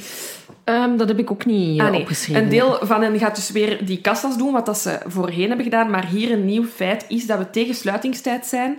Ehm, ze zijn heel goed op de hoogte. Ze weten waar eh, de personeelschef zit, allee, of de directeur. Dat is Willy Verstappen. Ehm, Walter, dacht ik. Ja, oké. Meneer Verstappen dan? Meneer Verstappen. Eh, ze weten waar die zijn kantoor is en ze gaan, eigenlijk, ze gaan daar onmiddellijk naartoe. Want ze weten dat daar een kluis staat waar dat nog een groter deel van het geld zou moeten liggen. Ja. Eh, dit is volgens mij ook de overval waar het meeste geld wordt gestolen.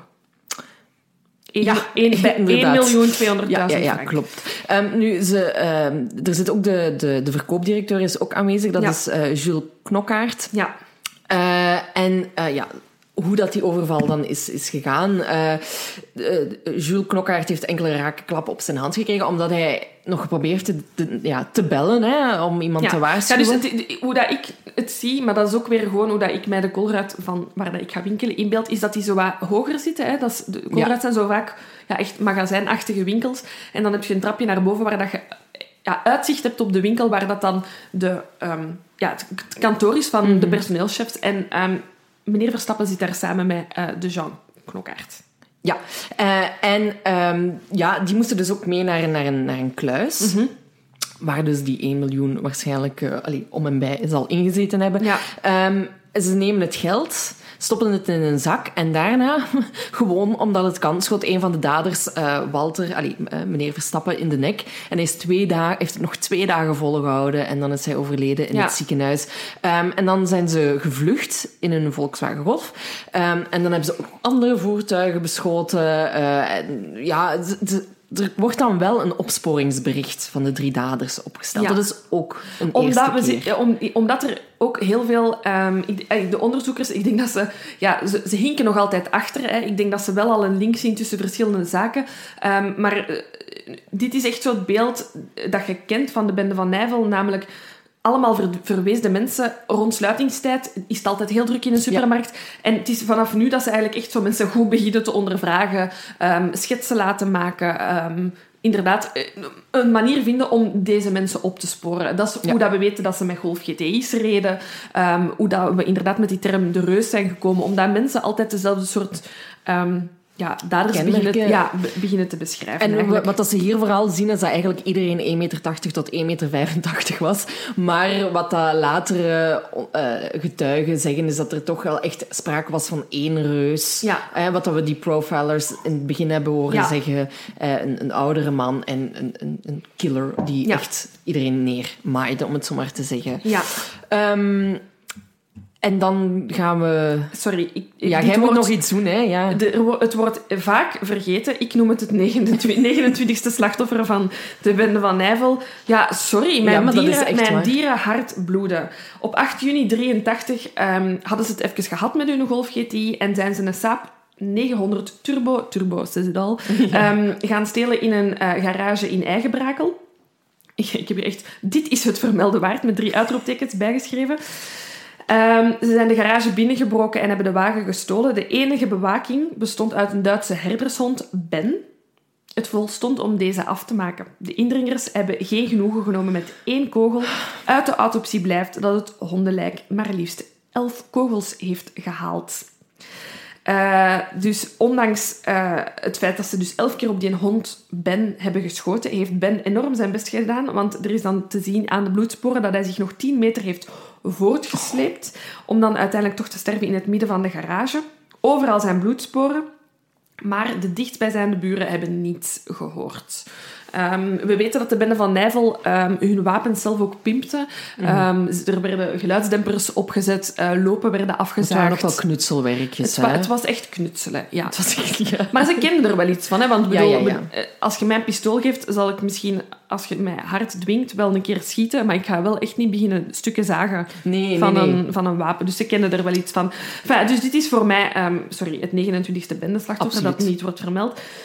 Ehm, maar ze hebben dus op 8 juni een nieuwe auto. De Saab 900 Turbo Gestolen. gestolen. En die gebruiken ze eigenlijk direct op 10 september. Ja, want wat er nu komt, vind ik, naast wat er in Aalst Ja. gebeurd is, dit heeft mij het meest aangegrepen, dit feit. Ehm, we zijn 10 september 1983 in Temse en dat is niet onder Brussel. Nee, dit is, ehm, ligt tussen, ehm, wat zeggen ze, Gent en Antwerpen. Ehm, Oost-Vlaanderen. Ja, Oost-Vlaanderen rond Sint-Niklaas. Ja, ik ken iemand dat er woont, daarom dat ik het ook weet. Ehm, dus dit is uit de richting. Is Wat heel maf, doen hè? ze daar? Er moet een hele goede reden zijn om naar Temse te gaan. Maar die hebben ze. Zeilmakerij Wittok van Landegem. What the fuck is ook een zeilmakerij, bedenk ik mij dan. Ehm, Doen daar- van alles, die mensen. Die doen van alles. Er is een lab. En ehm, deze zeilmakerij maakt niet zomaar zeilen. Ehm, die heeft zich zeer, eh, ja, op een zeer specifieke markt toegelegd. Eh, ze produceren daar onder andere eh, dekleden voor militaire en burgerlijke voertuigen, tenten, rugzakken, gereedschaptassen, camouflagevesten, beschermvesten. Eh, kogelvrije vesten. Eigenlijk, mm, nu zijn we er eigenlijk allemaal dingen waar dat de Rijkswacht en het leger wel geïnteresseerd in zou Ja. zijn. Ehm, mensen weten dat het een zeilmakerij is, maar zelfs de buren weten niet dat er hard wordt gewerkt aan kogelvrije vesten. Nee. Ik denk dat dat ook niet iets is waar dat je heel openlijk over mocht zijn, van hey, wij zijn een fabriek kogelvrije vesten. Ehm, dus buiten de werknemers en de eigenaars het is niet dat het verzwegen wordt, maar er wordt niet openlijk over gepraat van hier moet je zijn voor je kogelvrije vesten. Nee, er weet eigenlijk maar vrij weinig. Enkel de betrokken partijen, namelijk degene die ze bestellen, wie dat Belgisch leger was en, En de ehm, Rijkswacht, ehm, weet eigenlijk niemand dat daar kogelvrije vesten zijn. Ze worden zelfs ehm, eh, in de boekhouding opgeschreven als jurk met bretellen. Ja, inderdaad. Dus er wordt zelfs, zelfs in, in, in, in administratie wordt er niet over gesproken. Ik wil trouwens even zeggen dat de Rijkswacht... Wat, Ja, de- we hebben dat nog niet gezegd. Nee, de, nee. de federale politie is wat dat we nu kennen. En ehm, dan eh, binnen de Rijkswacht heb je nog ook de BOB, de Bijzondere Opsporingsbrigade. Klopt. Ja. En dan heb je de gerechtelijke politie Ja. naast de Rijkswacht. En dat is wat dat we vandaag kennen als de lokale politiezones. Ja, ja, klopt. Oké. En, die, die, ja, en, en die, die werken naast elkaar en ook tegen elkaar. Ja, je hebt, een beetje, je, hebt, ja, je hebt veel instanties. Hè. Ook ehm, iets waar dat ik ook enorm... Sorry dat we hier nu even een side note... Waar ik enorm van ben verschoten is ehm, ja, de, ehm, eh, het, het feit dat het leger eh, eh, ook zo aanwezig was in ons leven. Hè. Er waren inlichtingendiensten van het leger waar dat je meldingen kon maken. En, en, en nu voor mij is het leger, dat is landsverdediging. Ja. Maar die binnenlandsverdediging zit in mijn hoofd vandaag enkel bij de politie. Ik heb het gevoel dat het leger...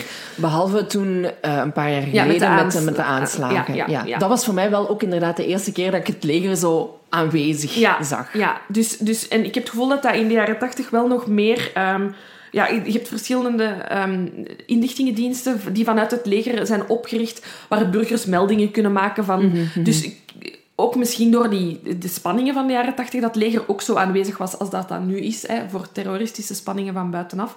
Eh, maar ik heb zo het gevoel dat je dus en het leger had, en de Rijkswacht, en de gerechtelijke politie. En die kwamen op alle mogelijke manieren een beetje in elkaars vaarwater. Hè? Want je spreekt Ja. over de BOB, die daar ook echt heel dicht staan tegen het leger. Wel, want dat is ook... De Rijkswacht is volgens mij ook ontstaan Ja, uit het leger. ja, ja, ja. Dus die hadden ook nog wel een, een andere functie dan wat de federale politie vandaag, heeft. Ja, ja, inderdaad. Dus, dus je hebt eigenlijk verschillende ja, ordediensten, hè, die, die eh, eh, allemaal naast elkaar en door elkaar en vooral kwaad op elkaar naast Ja. elkaar bewegen. Inderdaad, dat is het gewoon.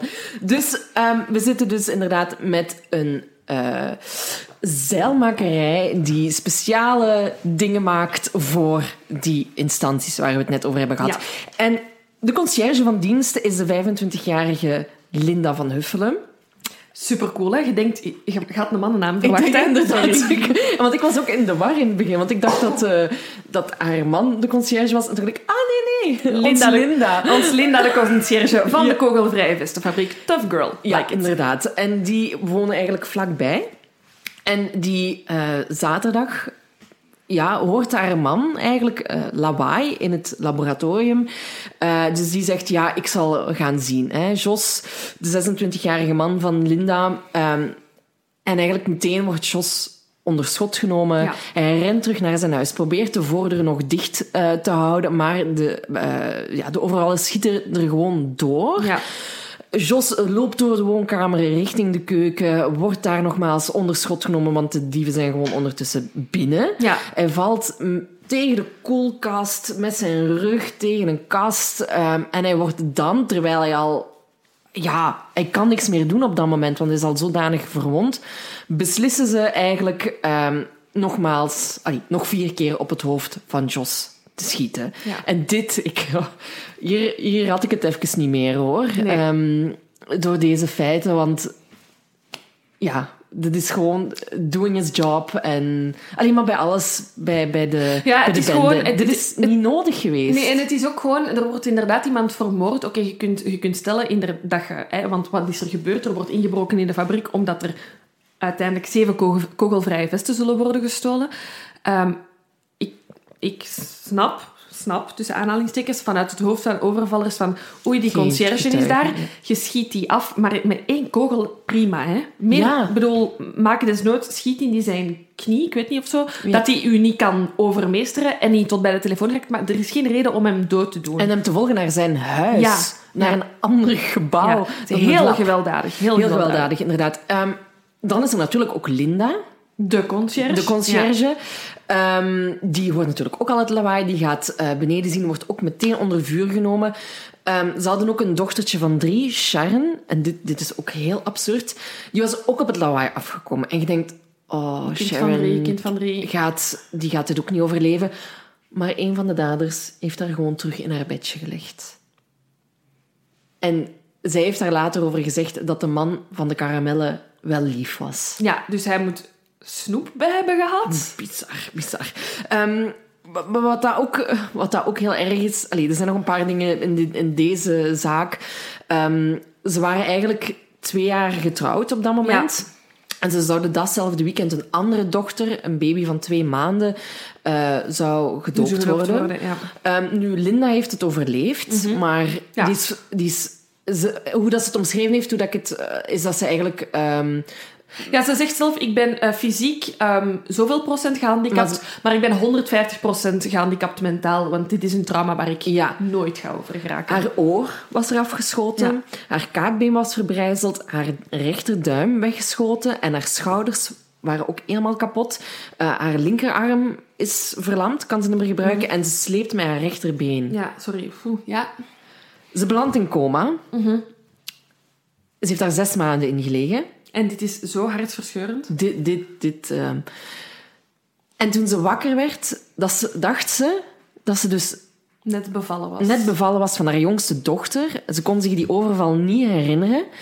En ze bleef dus ook maar naar Jos vragen van... Allee, waar is Jos? En waarom komt hij niet kijken naar, naar mij? Of dat ik oké ben met de baby? Het heeft een half jaar geduurd... eer dat ze besefte dat Jos er niet meer was. Omdat ze haar, haar korte termijn geheugen was waarschijnlijk... volledig aangetast. was volledig aangetast. Ehm, om maar te beseffen dat hoe vaak mensen tegen haar hebben moeten zeggen dat haar echtgenoot dood was. Mhm. Waarschijnlijk heeft hij dat honderd keer moeten horen Mhm. en vergat hij dat steeds weer. Of, Ja, het is, het is, het het is, ik- als je het opsomt en je zegt... De, ja, weer al. De bende van Nijvel heeft 28 doden gemaakt en 40 gewonden. Je, Ja, denkt, nee. je denkt niet na over... Maar dit is maar één verhaal. En zo heeft iedereen zijn verhaal. Mhm. Ehm, dus ik heb door deze research echt de woede van die mensen... Want er zijn, er zijn mensen die ehm, er nooit meer over willen praten. Er zijn mensen die er heel veel over willen praten, die slachtoffer zijn of eh, survivor zijn, zeg maar. Maar ik begrijp nu de twee kanten en ik begrijp vooral die woede en het ongeloof. En ik zou al lang niet meer in België hebben gewoond. Het, ik zou mij zo vergeten voelen. Ja, ongelooflijk. inderdaad. Het is Ongelooflijk. Ja, maar dit geeft... En vooral, dus dit alles is gebeurd. Hè. Een vrouw die haar man verliest, eh, die eh, de eerste acht levensmaanden van haar eigen kind niet heeft ge- meegemaakt, omdat ze in coma lag. Dan ook nog eens, ja, gewoon niet de beste versie van zichzelf kon zijn voor haar kinderen, voor zichzelf, voor haar man, niet dat ze kwijt was, door eh, één overval, waar dat dan uiteindelijk vijf blauwe en twee groene kogelvrije vesten worden gestolen. That's it, hè? That's it, hè. Meer niet, hè. Er wordt hier niet, geen miljoen frank gestolen.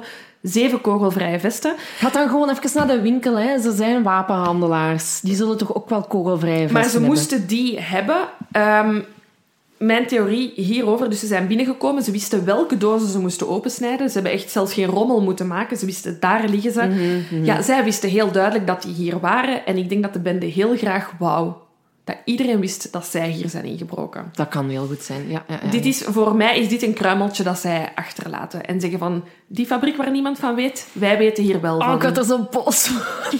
Ik word er echt boos van. van...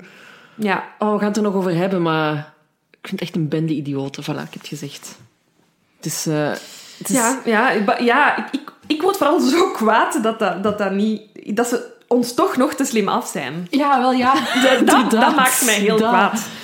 Maar voor wauw ook zo. Allee, ja, hè, zwart. We gaan het er nog genoeg... Het enige, het enige wat ik over deze zaak nog eh, eh, praktisch wil zeggen is... Dit heeft zich in, dit heeft in Temse plaatsgevonden. Ehm, dus uiteraard voor Belgium. Deze zaak wordt in het, eh, voor het parket van Dendermonde...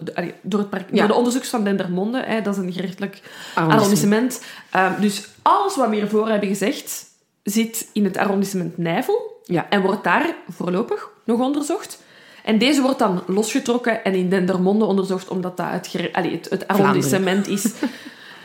Very Belgium. Dus deze zaak wordt eigenlijk apart onderzocht. Ehm, misschien wel al het vermelden waard wie dat, dat is, of nog niet. Ja, doe maar. Ehm, dus de, eh, degene die dit onderzoek gaat leiden, maar ook pas zoveel jaar later, dus niet op het moment, ik denk dat op het moment zelf dat dat echt nog wel lokaal, uh, de gerechtelijke Mhm. politie is en de Rijkswacht.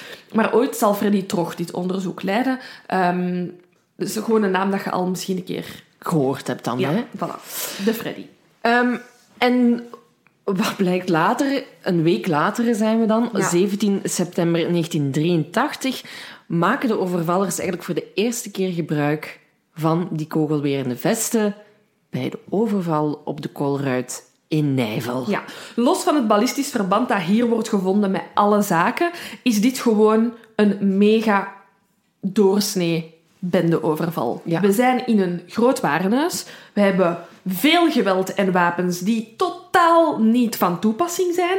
En er wordt niks gestolen. Dus dit is voor mij echt, los van het feit dat het ballistisch is, het summum van de bende van Nijvel. Ja, Ridicule gewoon. Ja. Dus we zijn 17 september 83 en rond middernacht stopt een koppel, Elise de Wit en Jacques Fauré, op het parkeerterrein van die Colruyt om daar te tanken. Sorry, ik heb een beetje gesmiled, want ik heb, was voor deze zaak onderzoek aan het doen Ja. en foto's aan het zoeken. Ehm, ze stoppen op het parkeerterrein om te tanken. Ehm, dat was toen ook al de DAT. Dat tankstation van de Colruyt heette toen ook al Ah, DAT. ja, en er zijn foto's van. en ik was echt goed. de DAT. Goedkoop en af, Elise. En Jacques, Jacques. wisten waar ze moesten zijn. Ja, maar wat later eigenlijk blijkt is dat ze, de, dat ze daar nooit gingen tanken. Nee. Dus, zwart. Bijzonder. Bijzonder. Ehm, ze waren, allee, Jacques, die tankt en hij was net klaar. Mhm. En opeens wordt hij geraakt door een kogel. Uit het niks. En Elise wordt tegelijkertijd ook gedood, ook uit het niks. De daders sleuren de slachtoffers nog over heel het parkeerterrein eh, en schieten nog meerdere malen op hen. Eh, ze worden nog in hun gezicht geschoten. Ehm, Niemand weet waarom. geen idee wat hier aan de hand is. Ehm, er is een bewaker van een busstation in Nijvel. Die heeft, heeft die schoten gehoord. Die heeft meteen ook de politie gebeld. Terwijl zijn de overvallers nog met een snijbrander een gat aan het maken in de, in de deur van, van de koolruit om daar binnen te gaan. Het was een metalen deur. Ja. En dan ondertussen arriveert de Rijkswacht. Dat zijn eh, Marcel Moru en Jean-Marie Lacroix. Die, die- worden naartoe gestuurd. Ja, die, die, dus er komt een oproep binnen en eh, zij gaan er naartoe. Eh, ze zijn daar supersnel, want ze treffen eigenlijk de daders nog aan op het parkeerterrein. Ja, ze checken eerst de voorkant en daar zien ze niet echt Nee. iets. Dus ze gaan naar achter, waar dan volgens mij ook de, de, de ingang was van de kolruit. Ehm, Nee, nee. Ah, nee, nee, nee. Nee, de ingang is van voren. Ze breken in langs de achter... ze- Ah, het was de achterkant, excuseer. Ze hebben, want dit is zeer atypisch, de bende van Nijvel. De winkel is al lang toe. Dicht, ja. En met eh, gasbranders branden ze een gat. eh, of proberen ze, want ze, het lukt hen niet echt, een gat te branden eh, langs de achterkant. Waarom? Omdat ze denken dat ze... En dat is ook zo, ze komen daar direct uit bij de kluis. Ah, ja, ja, Dus ja. het plan is wel... dus de buit gaat zeer miniem en weer echt om mee te lachen zijn. Ik heb het weer opgeschreven omdat het weer belachelijk is. Eh, maar ik denk dat het de bedoeling was, of ja, daar wordt toch van oké, uitgegaan, om snel bij het geld te zijn. Ja, maar dan, dan, dan ben ik inderdaad weer mee, want hè, de, de twee rijkswachters rijden dan naar achter om Ja. te zien of daar iets is. Die zien meteen dat gat in die deur. Ja. Die willen uitstappen om dat te checken en meteen worden die vanuit dat gat Ja. Onder vuur genomen. Ehm, Jean-Marie kan nog... eh, ja, die eh, gooit zich denk ik neer. Die gooit, gooit, zich nog Ja. neer, eh, roept de dispatching op dat er versterking nodig is. En terwijl is zijn collega Marcel, Marcel Moru al dood. Ja, in, in diezelfde dispatch kan hij eigenlijk Kan zeggen van, van- Marcel is dood. Ja, inderdaad. Een minuut later arriveert de versterking. Ze vinden daar Jacques, Elise en Marcel dood. En ehm, wat dat er wel ook klaar stond, blijkbaar, waren zo twee caddies met kartons whisky en sloffen sigaretten. Sorry, ik ga het om- even zeggen. Hè. Ja, Vijf dozen praline. Vijf bussen ar arachideolie van vijf liter. oh, maar dat kan iedereen altijd Vijf, gebruiken. ik denk dat ze gaan fonduen, denk ik. Dat is zo'n beetje... Vijf bussen maisolie van vijf liter. Tien zakken koffie eh, van 2,5 kilo. En dan eh, 40 pakjes sigaretten van 500 gram. Dus wat is dit? Dit is een rekening van wat? 300 euro bij de koolruit? Ja. Zoiets? Nog niet. In caddies, gelijk de bommas. Ik heb dat ook een caddy. Ah, Wel, ik ben vanmorgen onze lunch gaan halen ehm, in de winkel en ik had een draagzak en ik dacht, damn, ik wou dat ik een caddy had. Ik ben daar al heel vaak mee uitgelachen door mensen dat ik een caddy heb. Ik heb er nu eentje die ik kan opvouwen en gewoon zo mee de winkel in Ah ja, ik wil heel graag zo eentje met een ruitjes, maar echt één van op de markt. Ja. Ja, ik heb dat ook gehad. Ik vind dat minder praktisch. Maar we zullen straks nog hebben over caddies. Caddies, oké, goed. Ja, we zijn weer bij de Bende van Nijvel, die Ja. dus weer een belachelijke buit hebben gemaakt en eh, drie mensen gruwelijk hebben vermoord. Ja, ehm, dus wat, Marcel, hè, de, de, de rijkswachter, die was doorzeefd met drie verschillende soorten eh, kogels. Ehm, hij had veertig kogelinslagen in zijn benen, zijn, insane in zijn armen en hoofd. En Jean-Marie, die het nog had kunnen wegduiken, die was enkel gewond aan zijn hand en werd nog overgebracht eh, naar het ziekenhuis. Hij heeft het overleefd ook. En ehm, hij heeft nog kunnen... allee, hij zegt in zijn verhoor ehm, dat ze twee wagens hebben gezien. Een witte Mercedes en een Saab. Ehm, ze komen er dus inderdaad achter dat ze een gat hebben willen branden in, in de kolruit. Eh, en dus ja, dat ze die deur niet gewoon geopend hebben. En het is dat inderdaad, dat gat dat hun aandacht van de Rijkswachters eh, had getrokken. Dus hij vertelt eigenlijk een beetje het relaas eh, wat dat er is gebeurd. Ehm, en hij zegt ook van, ik heb één dader gezien, een lange man met eh, de ja. reus wellicht, eh, een regenjas en een volle onverzorgde baard, die echt zo als schietend op hem afkwam. Ja. Dus geen twijfel, niks. Gewoon classic Ben van Nijvel. Gewoon op uw doel afgaan. Echt zo. Eh, en dan iemand neerknallen. Ehm, ze zijn dan weggevlucht. Zowel met de Saab als met de Mercedes van eh, Elise en Jacques. Ja, dat is heel raar dat er nu ineens twee wagens zijn. Hè. Dus ze komen Ja. toe met één, maar ze pikken een tweede wagen. Ehm, daarvan wordt gezegd, waren ze dan misschien met meer dan anders? Of was het eh, gewoon puur praktisch om hun brand, brandertjes in weg te steken? Want ze hebben natuurlijk wel die deur proberen doorbranden.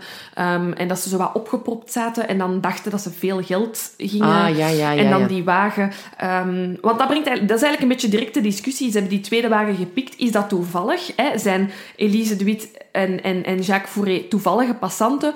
Ehm, eh, of zijn zij bewuste slachtoffers? Daar wordt, Ja. eh, allee, gaan we in de on- onderzoeksaflevering wel vertellen. Eh, maar dat zijn weer ehm, namen die net zoals José en, ehm, José en En Constantin. en Constantin worden gezegd van... Ga, gaat het hier over de feiten of gaat het hier over de slachtoffers? Ja, Ja, klopt, dus voilà. inderdaad. En ze, ze vluchten dus weg en ze gaan richting Eigenbrakel onder Brussel. En, maar ze gaan dus wel nu, want het is een Nijvel, maar ze vluchten richting Eigenbrakel. Maar dat is ook al richting Brussel dan, hè? Ja, ja, dat is... ehm, ja.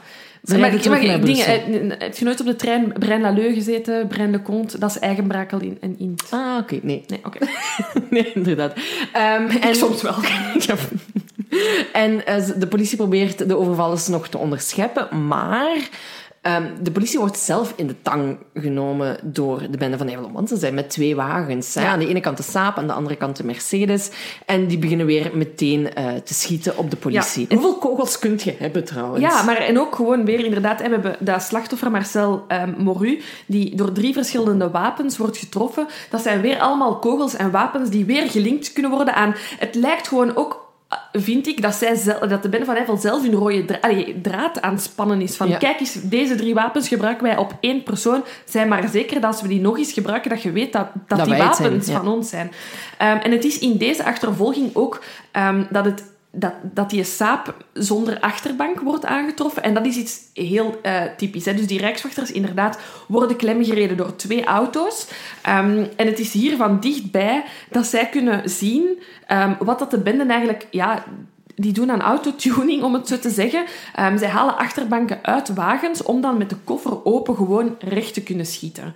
En dat is iets dat hier wordt gespot eh, Ja, door een ja, van de ja. rijkswachters. Want ze, ze laten de Mercedes achter Ja, het, hè, na, de, de, de, na het gevecht met de politie. Ja. En ze stappen dan allemaal, allemaal in de saap. In de Ja. saap. Ja. En ze blijven schieten terwijl. Ja, hè. dat is dus het dat, echt dat achterbanksysteem. Ik ja. zie het als in de film, die gast die in de Mercedes zat, kruist met de politie richting de Ja. saap. En ondertussen wordt er nog geschoten vanaf de saap op de politie. Dus allee, de chaos was compleet. In de Mercedes worden eh, 28 spullen aangetroffen. De Mercedes was dus de auto van uh, Elise, Elise, en, Jacques. Ja. Uh, ze hebben daar een aktentas, een handtas, kluissleutels, aandelen, een checkboek. En... Ja, heel, heel weinig van deze dingen zijn van de bende. Deze Inderdaad. zijn voornamelijk van Elise en Jacques Klopt. zelf. En die saap werd de volgende dag in een moestuin gevonden. Ja, ja. Dat, kan. dat is dus ook het ding. Hè, met, met, wat je ziet met de benden, is ze worden achtervolgd. Hè, maar hun, ze laten hun wagens... Ze wisselen heel snel van wagens. Mhm. En dat toont ook dat, dat ze heel goed voorbereid zijn. Want ergens staat een tweede vluchtwagen. Het feit dat die wagens uitgebrand worden gevonden, dat is niet pas de volgende ochtend dat ze dat doen. Hè. Dus ze zetten waarschijnlijk een vluchtwagen ergens klaar, zodat ze van wagen kunnen wisselen. Ze Mhm. hebben een, ja, een race aan, aan, wagens klaarstaan, waardoor dat ze niet herkend kunnen worden. Hè. Ze hebben die carnavalsmaskers die ze dan snel aan en uit kunnen doen. Ehm, ze zijn goed voorbereid. Het feit dat je al, dit is al de vierde keer of zo dat ze in een achtervolging kunnen ondersnappen, dat is niet niks. Nee, nee, nee. Oké, je kunt wel stellen dat al die ordendiensten niet waren voorbereid. Hè. Dat zijn vaak inderdaad polities van een, van een gemeente of van, van, van een kleine stad. Maar die kunnen wel iets, hè. Bedoel, dus, Ja, dus- die zijn wel tot op zekere hoogte getraind. die hè. zijn voorbereid. En zeker, bedoel, we zijn hier inderdaad in hun tweede jaar van de, van de bende. Er is weet van een bende, er gebeuren veel overvallen. De politie is wel getraind op iets. Het feit dat die kunnen blijven ontkomen, geeft mij wel echt het gevoel van die mannen zijn echt voorbereid. Goed, hè? Ja. Ehm, goh, ja, ze hebben dus hun saap in brand gestoken. Dus ja, het volgende bendefeit zal... Ehm, ja? Ja, ja, ja. doe. Ja, ja, ja, ik zie je gewoon zo heel snel scrollen en ik denk, dacht, waar moet ik naartoe? Nee, ze hebben net die- hun saap in brand gestoken. En het is dus hier trouwens dat ze al die overvallen die we eerst hebben besproken, Ja. hè, van in de wapenhandel, van de keizer... Ja, eh, het feit dus dat inderdaad Marcel door drie verschillende wapens is neergeschoten, heeft hen ook gewoon de optie gegeven om te zien, shit, deze wapens zijn daar al eens gebruikt, en die zijn daar al eens gebruikt, en die zijn daar al eens gebruikt. mhm. We zitten met een bende. Dus het is hier inderdaad, we zijn 17 september 83, de bende van Nijvel is nu ook voor de politie en voor, voor België eigenlijk Ja. geboren. Inderdaad. Ehm, we zijn weer een dikke twee weken later. Dus echt om de twee weken zijn die mensen ja, feiten aan het plegen. Ja. Ze zijn echt hard aan het werken. Ehm, op, ja, ik, ik wil dat niet op een grappige manier Nee, zeggen. nee, Het, gaat, het ding is gewoon, ze houden echt het tempo, tempo erin. ja. ja. We zijn 2 oktober 83, die is juist in brand gestoken. Dus ze hebben zoiets van, goh, weet je wat, we hebben nog eens een auto nodig. Weet wat dat echt tof zou zijn? Nog eens een Golf GTI. Geen probleem. Want ze gaan bij Jacques van Camp langs. Ehm, Jacques van Camp is de eh, restauranthouder van Au Trois Canards in Ohain. Het is, een, het is een, echt een, een, een berucht restaurant op dat moment. Ehm Ohain ligt Onder Brussel. ja, en ehm, in die restaurant Uit Trois Canards komen ja, zowel ge- gezinnen, maar ook wel mensen, ja, notarissen, advocaten. De, De prinsen zijn er eens gaan eten. hè. onze prinsen zijn er gaan eten. Het is een beetje toch wel de beau monde ehm, Ja. dat daar terecht komt. Eh, dus het is geen onbekend restaurant. Op 2 oktober ehm, zit de, de service erop. Ehm, en de, de, de ploeg is er nog wat aan het nababbelen. Ze zijn een spel kaarten aan het spelen. Er wordt ze nog, ehm, het leukste deel van in horeca werk- werken, een, ehm een servicemaaltijd gemaakt. hè. Dus met de restjes uit de frigo wordt er nog een keer gekookt voor het personeel. Het is echt een stuk in de nacht. hè. Het Ja. is al rond middernacht, één Ja, uur ja. of zo. En, en dus buiten Jacques van Kamp, de eigenaar, is zijn vrouw daar ook, zijn dochter daar ook.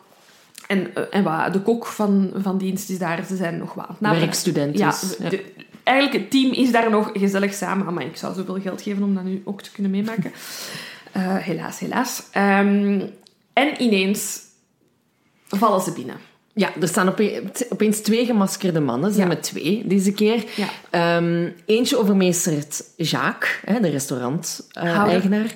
die sleurt hem mee naar buiten. ehm, want... Ja, allee, J- nee, wacht, opnieuw. Jacques die, die stond al buiten met de werkstudenten. Ja, hij, ging, hij ging die naar huis brengen. Ja, inderdaad. Hij ging die naar huis brengen. Dus, en opeens staan die twee overvallers daar op de stoep.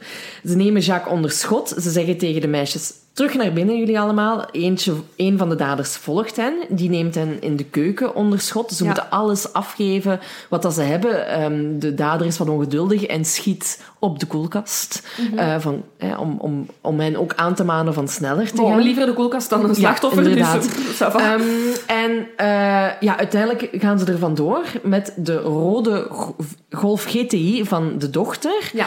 Eh, en, maar de opbrengst van de kassa hadden ze niet mee nee, het ging alleen om die golf. Ja, en dus iedereen zit binnen, Jacques is buiten. Ja. En dan ineens horen de mensen die binnen op de grond liggen verschillende schoten.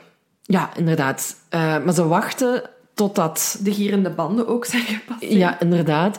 Ze gaan zien en ze zien daar eigenlijk dat Jacques op de grond ligt met een jasje over zijn hoofd.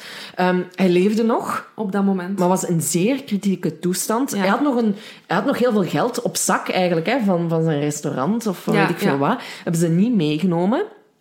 Ehm, Jacques is met twee verschillende pistolen neergeschoten. Een kogel is recht door zijn hoofd gegaan. Hij is nog overgebracht naar het ziekenhuis. Hè, dus die overval was rond 12 uur, 1 uur s'nachts. En om tien voor vijf s'nachts is hij alsnog overleden. Politie tast compleet in het duister over wat dat er hier gebeurd is. Maar ze vermoeden wel dat het hier al om een afrekening gaat. Omdat er ook nog blijkbaar een telefoontje naar het ziekenhuis Ja. is gegaan. Waarin gezegd werd, gewoon anoniem, er is daar iemand met een kogel in zijn lijf. En mensen gaan ervan uit dat dat over Jacques van Kamp Ja. ging. Ja. En ook nog twee joggers hadden de dag voordien ehm, drie mannen op de grond zien liggen, echt zo in, in het struikgewas in de buurt van het restaurant. Oké. Ehm, dus de politie vermoedt dat de dieven of de, allee, de moordenaars ehm, ja, een, een, ja, zijn gaan inspecteren wat Ja. en hoe bij het restaurant Ja. eh, en dan Ja. hebben toegeslagen. Want er wordt inderdaad ook geen link gevonden. eh, dus de, het wapen waarmee dat Jacques van Kamp om het leven is gebracht, heeft op dit moment nog, is op dit moment nog nooit gebruikt geweest door de bende. Dus het is eigenlijk een beetje in het eh, duister tasten ehm, van of dit een bende... Allee, ze worden in ieder geval nog niet aan elkaar gelinkt. Ehm, ja, kan de bende natuurlijk niet hebben. Dus beslissen ze op 7 oktober 83 om de Delijze van Beersel te overvallen Onder Brussel. onder Brussel. Ehm, en ze denken, ah ja, sorry, weet je nog, die overval minder dan een week geleden bij Trois Canard, waar dat we een Golf GT hebben gestolen, dat wordt onze, onze auto voor deze overval, zodat jullie zeker weten dat dit van ons is. Maar ze werpen hem wel eerst Zwart. zwart. Hè? Dus die van Ja. Katrien was rood. Ja, ja, En ja. nu is daar heb ik, maar dat is voor de volgende aflevering echt een, goe, een goede Quote. over. Eh, dus inderdaad, er wordt dan eh, door getuigen eh, in de lijst van Beersel een zwarte Golf GT gezien. Ehm, en dit is ook weer, ja, dit, het is weer gewoon een typische overval. Hè. We zijn bijna bij sluitingstijd. Er komt een zwarte Golf GTI het parkeerterrein van de, eh, de lijst van Beersel opgereden. Er stappen drie gewapende mannen. Met ik denk dat ook deze een van de eerste keren is dat carnavalsmaskers gebruikt worden. Dat kan, dat kan. Ehm, ehm, en eh, nylon sokken. Ehm, de eh, eh, overvallers gaan binnen. En hier, dat is iets wat we dus ervoor ook al hebben gezien, ehm, wordt er weer gefocust op die en Gérard. De eigenaar van de, Freddy Vermalen. de lijst, Ja. Freddy Vermalen. En die, ja, hij gaat het slachtoffer zijn eigenlijk van deze overval. Hij is de dode. Ja, inderdaad. Want hoe dat ze naar binnen gaan, wil ik ook nog wel even eh, Ah, ja, zeggen, ja, ja. Is, is ook nieuw. Ze nemen eigenlijk een, Een gijzelaar. een gijzelaar, een jobstudent, Daniel Heizelaar, die zo... ge- Tegenwoordig zien we dat ook. Mensen die aan de karretjes staan om die te ontsmetten of wat dan ook. Hij was ook met de karretjes bezig om eh, ze op zijn plaats te op te zetten. ruimen. hè. We zijn bij sluitingstijd, inderdaad. Inderdaad. En opeens voelt hij zo een ride gun in zijn nek. En hij moet op zijn handen en knieën gaan zitten. Ja. Zo de winkel inkruipen. Ehm, en de kassiersters moesten hè, ook weer al hun geld leegschudden in zakken en zo. En dan gaan ze inderdaad op zoek naar... allee, of Freddy komt eigenlijk zelf Ja. eh, naar, naar de overvallers. We zijn echt, we zijn diep in de bende van Nijvel. Die zijn al genoemd in de, allee, in de de, pers. pers. Ze zijn, iedereen kent de overvallers. Freddy, echt waar. Het kan, het kan hem niet schelen. Hij ziet zijn jobstudent op de grond en hij heeft zoiets van, Mannen, niet met mij. Wat is dit? Ja. Hij gaat echt met gespreide armen, loopt die... Dus die overvallers komen met hun riot guns af, met die jobstudent op de grond. En die Freddy heeft zoiets van, niet met mij. En o- met open armen loopt hij eigenlijk recht af op die overvallers. Ja, is dat oerinstinct? Is dat eh, verdedigingsmodus? Maar die heeft zoiets van, deze gaat niet gebeuren. Maar ja, Freddy wordt om, ja, zonder twijfel neergeschoten. Ja, absoluut. Ehm, ze trappen het weer af daarna, de daders. Ehm, dus ik denk niet eens dat ze bij de kluis zijn geraakt. Nee, maar ze hebben wel uiteraard de kassas leeggeroofd en ze hebben toch 1 miljoen frank bijeen Ah, is verzameld. dus ja. niet slecht. Maar ze nemen jobstudent Daniel ook mee naar buiten. Ja. Maar die wordt gelukkig teruggevonden. Maar die jongen is compleet in shock. Kon zijn eigen naam niet meer ja, zeggen. inderdaad. Hij wist het gewoon niet meer. Ja. Twee dagen later, na deze overval, opeens ligt daar een achterbank van een zwarte Golf GTI eh, vlak bij de Deleuze. Ja, dus eh, wat weten we? Ehm, dus je hebt... Die overval is op de eh, 2e van oktober gebeurd. Ehm, 7 oktober, dacht ik. Wacht, hè. ja, sorry. 7 oktober gebeurd. Ehm, dus nadat de bende vertrokken is, eh, is het heel terrein afgesloten. Iedereen wordt ondervraagd. Politie doet onderzoek. Er worden kogelhulzen verzameld. Ehm, er worden voetafdrukken afgemeten. Daarna mag natuurlijk heel de kuisploeg van de Delijs Ja. passeren ja, om dat terrein op te ruimen. Niemand spot die achterbank. Niemand. En twee dagen later ligt hij daar En twee dagen later ligt hij daar. Er is veel te doen over die achterbank. Daar komen we in de volgende aflevering zeker op terug. Maar wat is er op, op, op, opvallend? Iedereen van getuigen spreekt van die zwarte Golf GTI. Maar in het midden van die achterbank staat een rode streep. En dat is wanneer de politie beseft... Deze achterbank is niet van een zwarte golf. Deze is van een rode golf. En dan wordt uiteindelijk de dochter van Kamper bijgehaald en zij herkent haar achterbank eh, ook door middel van hondenharen. Ze heeft een hond Ja. die ruift en ze ziet dat op die achterbank. En het is zo eigenlijk dat dus dat eh, de moord op Jacques van Kamp, dat lang een afrekening werd gezien, wat nog altijd een afrekening kan zijn met de bende. Ehm, Maar het is geen losstaand feit meer, want ineens is die golf gebruikt en is die achterbank daar achtergelaten. Het lijkt een beetje alsof dat de bende schrik had dat ze dat feit gingen verliezen en ze even hun visitekaartje... Maar ja... ja Enfin, er, is nog een theo- er, is, er is nog een goede reden waarom die achterbank daar kan liggen, maar dat is dus voor Het is heel bizar. later. En dan nog één feit voordat ze in pauze gaan. Ik heb geen idee hoe lang dat we al bezig zijn, maar ik heb echt... We zijn er nog niet met Nee, wat ja, ze we- ja. eh, aan het doen zijn. Ehm, we zijn dan 1 december. Ja, Hoeveel drie- later is, 83. Is dat? Dat is een, eh, kleine twee maanden. Een kleine twee maanden. Ehm, dus doen ze haar laatste slag voordat ze even verdwijnen. Ja. Ehm, ze vallen eigenlijk binnen drie gemaskerde mannen binnen in de zaak van juwelier Jean Sismuk in eh Anderlu, in Henegouwen ook is dat. Ehm, er waren geen klanten meer bezig. Eh, de vrouw van Jean Sismuziek was Maria Christina. Zij zat op dat moment in de woonkamer en zij was daar aan het rusten. En Jean was nog in zijn werkkamer achterin het huis bezig. Dus die drie overvallers komen binnen. Het aparte daaraan is dat die niet in, het, in de winkelruimte zitten, Nee. maar meteen doorlopen naar die woonkamer. Maria dacht dat het klanten waren, dus die staat recht. Maar die wordt ook meteen onder schot ja. genomen. Geen schijn van kans. Eh, in haar benen, in haar borst. Ehm, ze, ze is erin geslaagd om nog een paar meter eh, kruipen. te kruipen. Eh, maar ze is dan alsnog in elkaar gezakt. Ehm, de daders hebben gemerkt dat ze nog leefde. En heeft haar dan eigenlijk gewoon koelbloedig afgemaakt. Nog met drie kogels in het hoofd. Jean, die denkt... Wat is hier gaande Ja. allemaal? Die heeft dat uiteraard allemaal gehoord. Ja.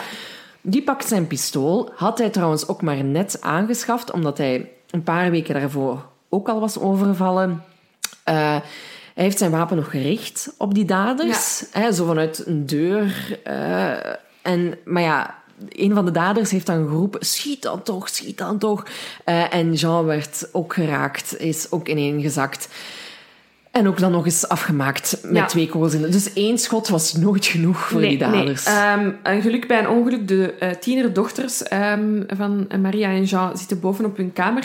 Ehm een van de dochters heeft eh, de moord op haar vader zien gebeuren van op de trap, Mm. maar heeft zich heel stil gehouden. Ehm, wat al een geluk, want anders was ze ongetwijfeld neergeschoten. Ehm, maar het is zo eigenlijk... eh, ja, zij zijn eh, al schreeuwend het huis uitgekomen nadat de overvallers weg zijn. Een meisje van 16 en een meisje van 12 jaar. Ehm, die dus ja, hun twee ouders kwijt zijn op vijf minuten tijd.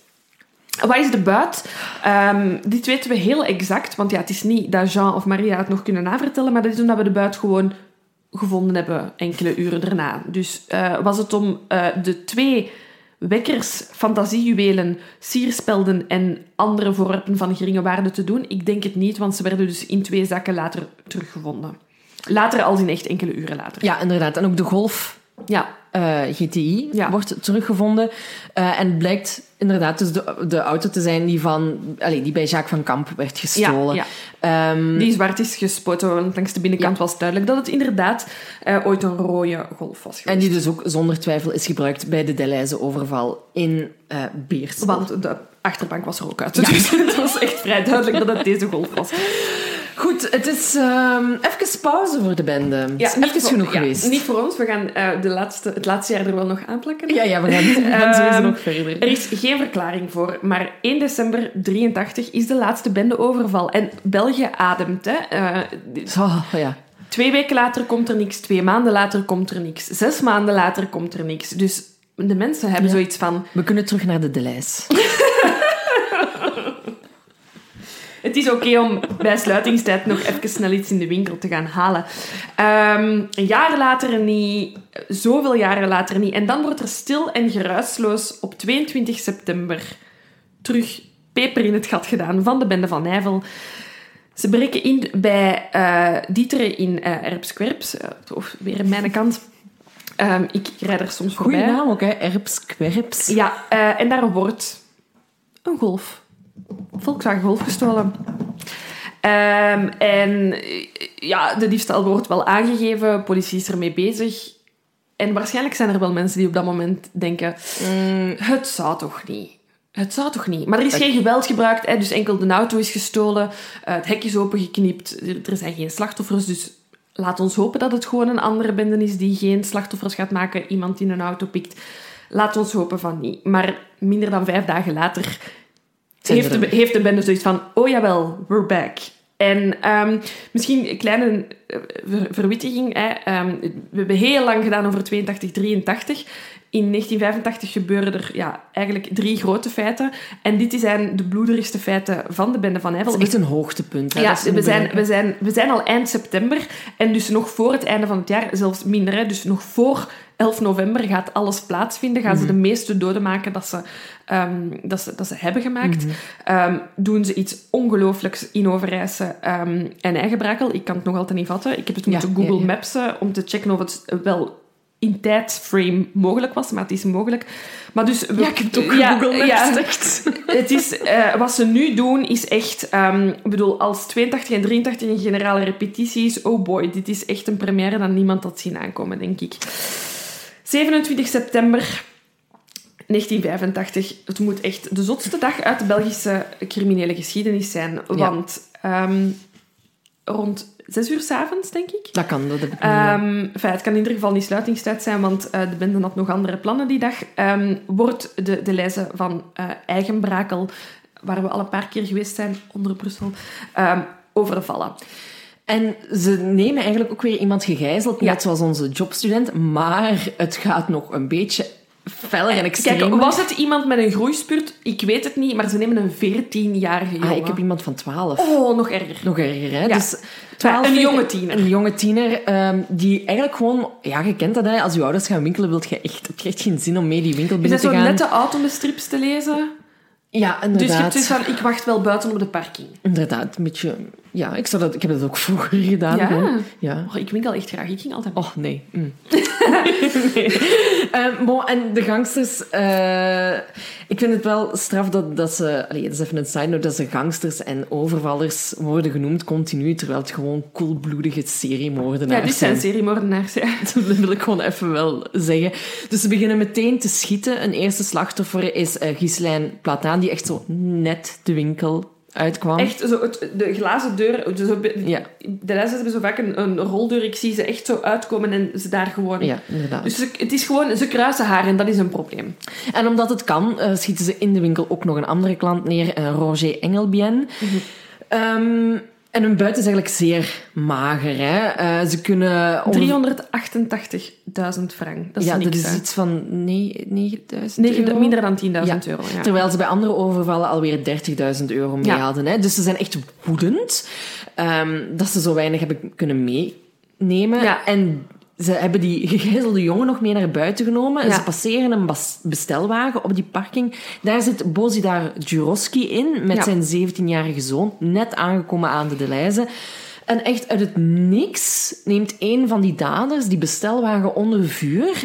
Ehm, en die vuurt meteen op Bozidar. Hij sterft echt later die avond aan zijn verwondingen. En zijn 17-jarige zoon is zwaar gewond en die is gehandicapt voor de rest van zijn leven.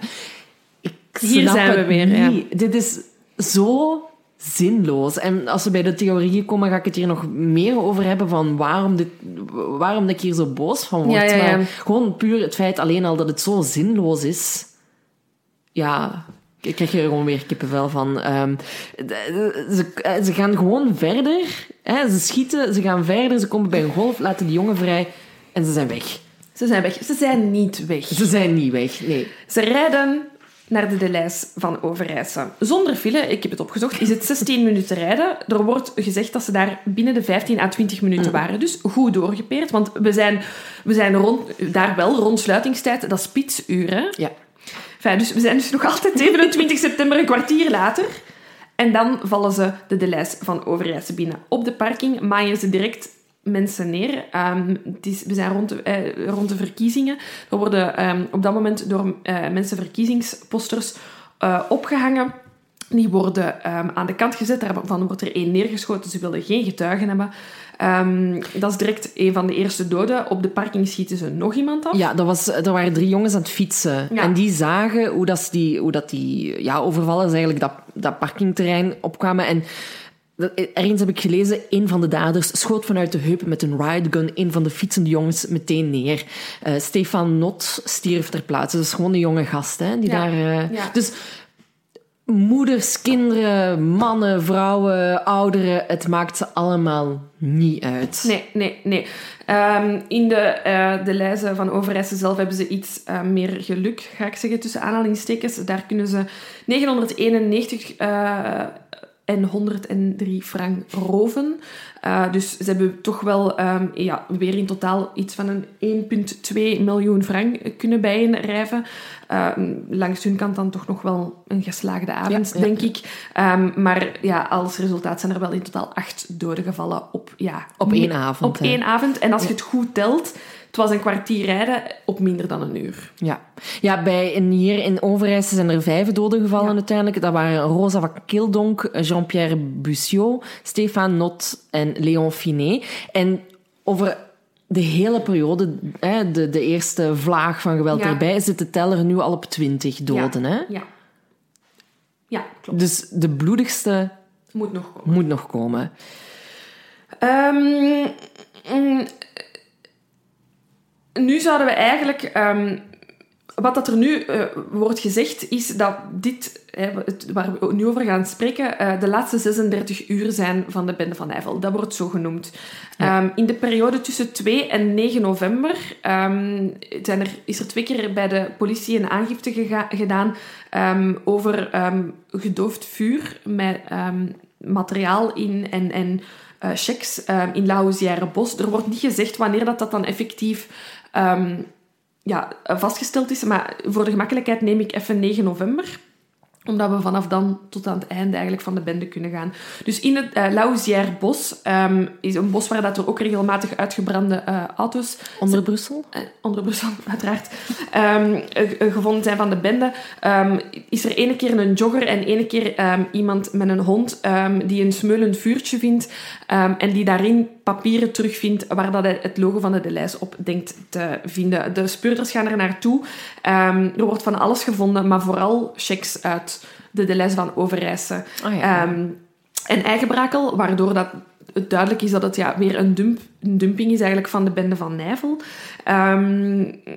Dus, de- oh, dus daar denken ze, ja, er is in de periode 82-83 vaak gedumpt in bosrijke omgeving. In dit bos auto's zijn gedumpt. Er is nu geen vluchtauto gevonden, maar we vinden wel die checks die in brand worden gestoken dit zou wel weer eens de bende kunnen zijn. Ehm, dus het is hier eigenlijk dat alle alarmpijlen heel hoog gaan staan. Ehm, en dan is het 9 november 1985. Ehm, het laatste feit van de bende van Nijvel, een crazy dag. Ja, ongelooflijk. Eh, we zijn in Aalst. Ehm, en, en, en in de week ervoor... Uh, Aalst is eigenlijk ook voor, voor de mensen die uh, uit Nederland komen of zo, is ook uh, Oost-Vlaanderen. Ja, eerder ook, Temse. Oh, eerder Temse, maar ook zo boven linkerkant Brussel. Ja, ja, ja. Als, Als dit iets zegt. maar dit is, laat ons wel zeggen, weer een beetje uit de weg um, ja. van de bende. Het is gewoon omdat het het bloederigste bendefeit is, het laatste bendefeit.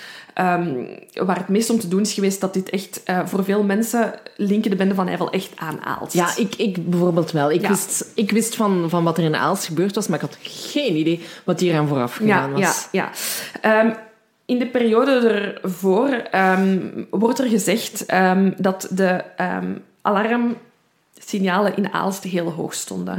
Mhm. Er was al een keer gezegd geweest dat, er, dat, dat door overvallers het oog uh, wel een keer zou kunnen vallen op de lijzes uit die buurt. Um, een beetje ervoor is de Delijs in Lokeren overvallen door een andere bende, mm -hmm. waar geen dode, uh, dodelijke slachtoffers zijn gevallen. Um, dus Oost-Vlaanderen was wel wakker. Um, de week voor Aalst vinden spelende kinderen in het Osse, Ossegempark, sorry, ik hoop dat dat juist is, wapens die mm -hmm. verstopt liggen in de struiken. Um, en ook de week voor de overval in Aalst worden er verdachte figuren op de parking gevonden die aantekeningen aan het maken zijn. Um, desondanks wordt Aalst eigenlijk echt, ja, komt dat als een complete verrassing op um, 9 november 1985.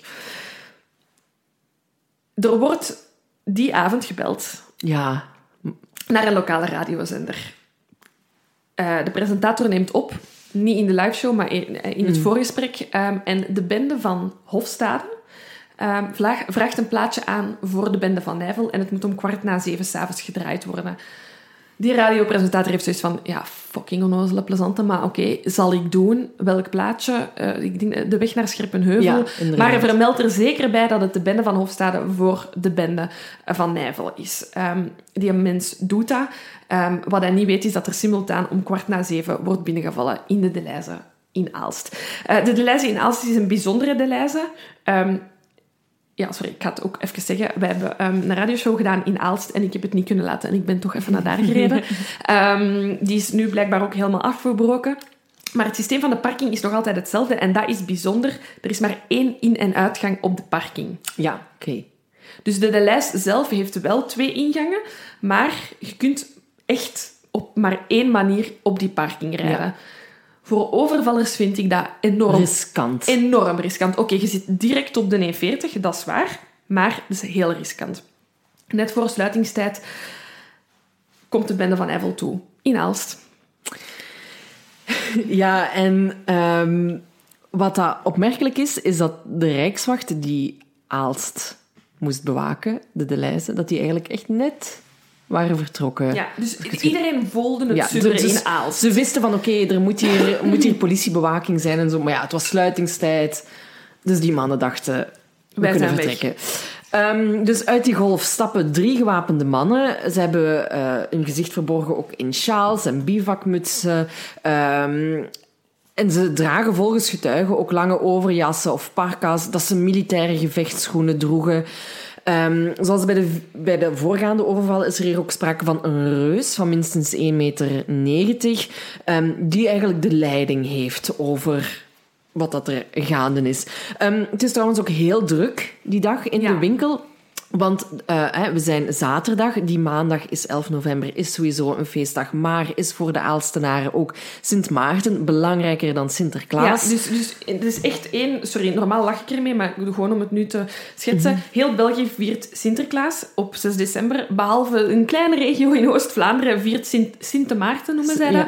Ja. Uh, die ziet er hetzelfde uit als Sinterklaas. Die doet hetzelfde, die brengt cadeaus. Sorry, misschien dat er nu mensen uit Oost-Vlaanderen echt zoiets hebben van zwijg.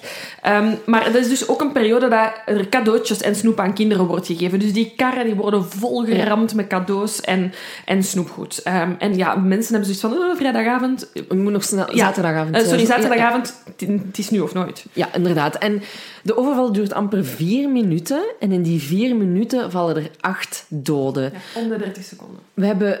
Oh, ja, we hebben Dirk Nijs en uh, zijn dochtertje van negen, uh, Els Nijs. Mm -hmm. Zij worden eigenlijk meteen in hun auto op de parking doodgeschoten. Die, die een achteruit is doorzeefd met, met kogels.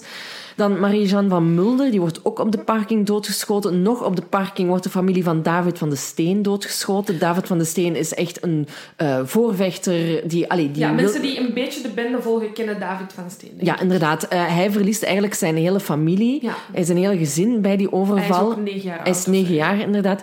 Hij ziet hoe de overvallers zijn papa Gilbert, zijn mama Therese en zijn zusje Rebecca doodschieten.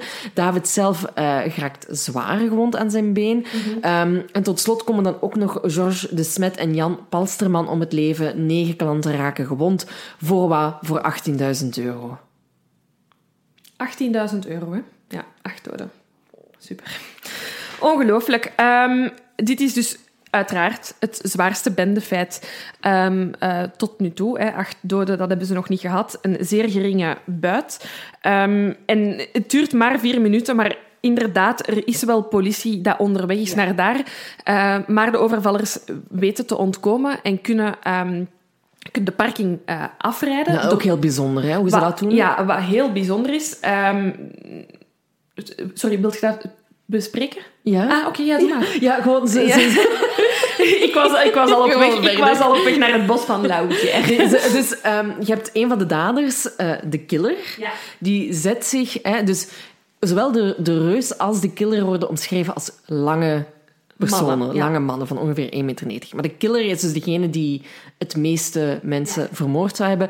Um, die, die, dus ze weten dat de politie onderweg is, maar ze lopen dus rustig naar de golf. Ja. De politie is al Ja. daar. Dus Dus er- cool, heel koelbloedig. Wat dat er, ja, dat hebben we eigenlijk nog niet gezegd. Die lopen niet, hè. die zijn niet gehaast. Hè. Die zijn ook zo niet zo, dit is een overval. Die zijn heel rustig, heel de tijd. Ook die schieten mensen af en dan stappen die op hun gemak terug naar de auto. Er is nooit paniek bij hen. er is altijd paniek enkel bij de slachtoffers. Ja, klopt, klopt, klopt.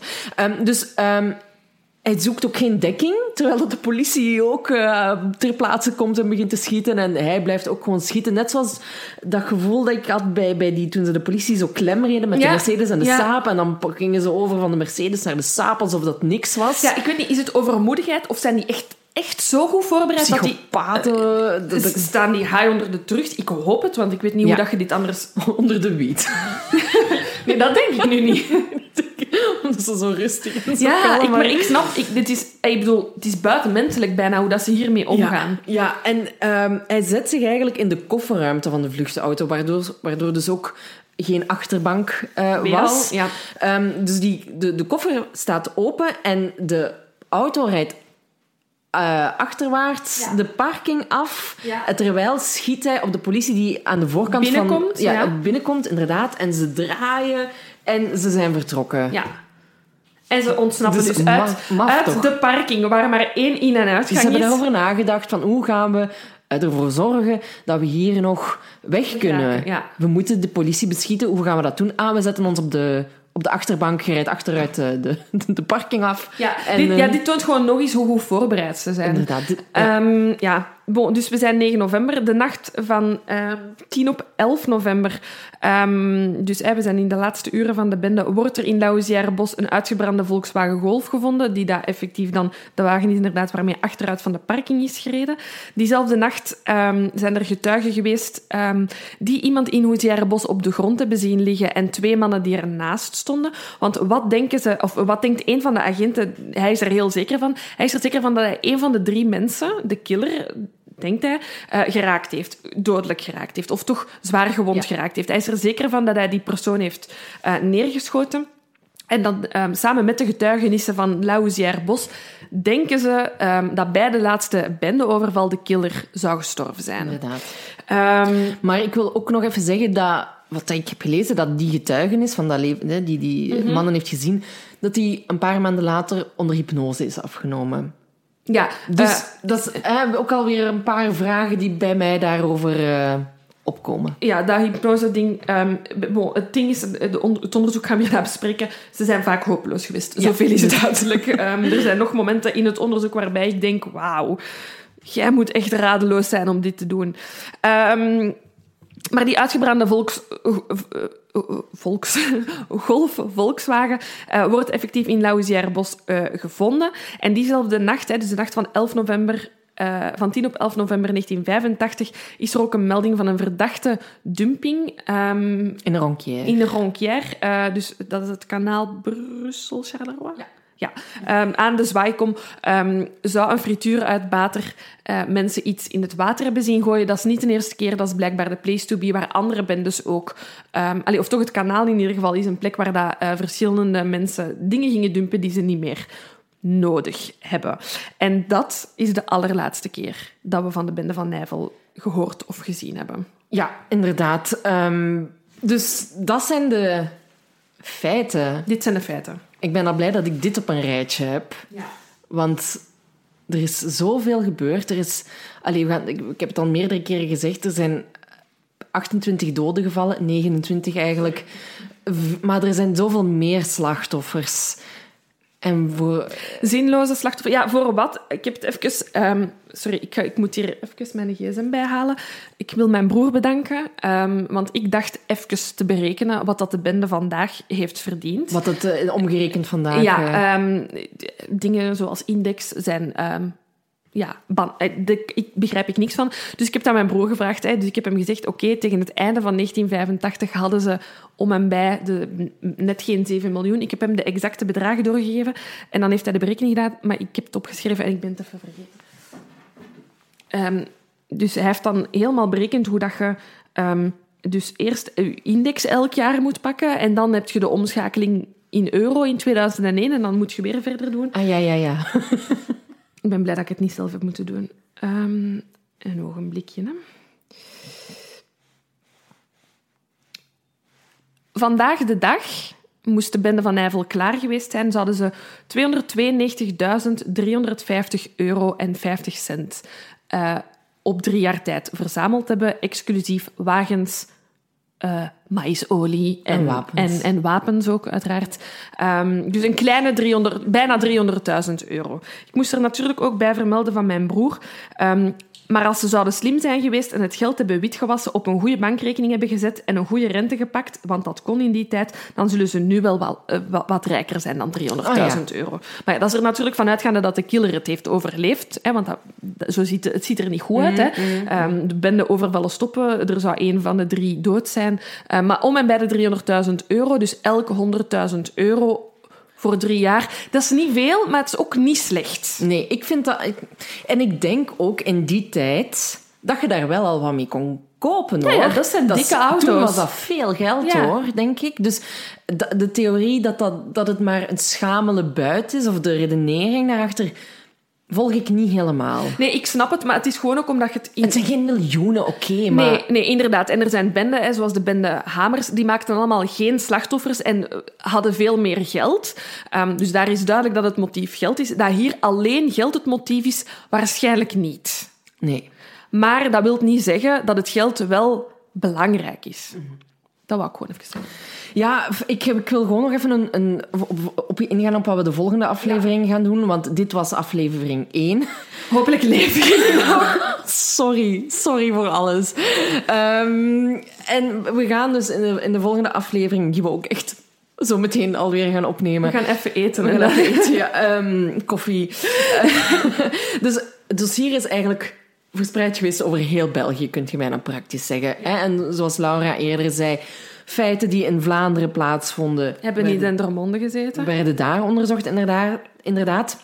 Dan in het begin, toen vanaf de Kolruit in Nijvel, zat eigenlijk um, in het arrondissement van Nijvel alles, ook de voorgaande overvallen. Ja, ja dus dat daar... was, dat was iets wat toch gecentraliseerd. Ja, dus, en tegelijkertijd liep er dus in, in, in Dendermonde ook wel een onderzoek naar wat er in Temse was gebeurd met ja. de uh, kogelvesten die gestolen waren. Ja, en dan is Aals daar... Die waren al bezig met, Temse. met Temse. En dan kwam Aalst en dan was zoiets van... Ja, dat zijn dezelfde mensen. Pak het er maar bij. Ja.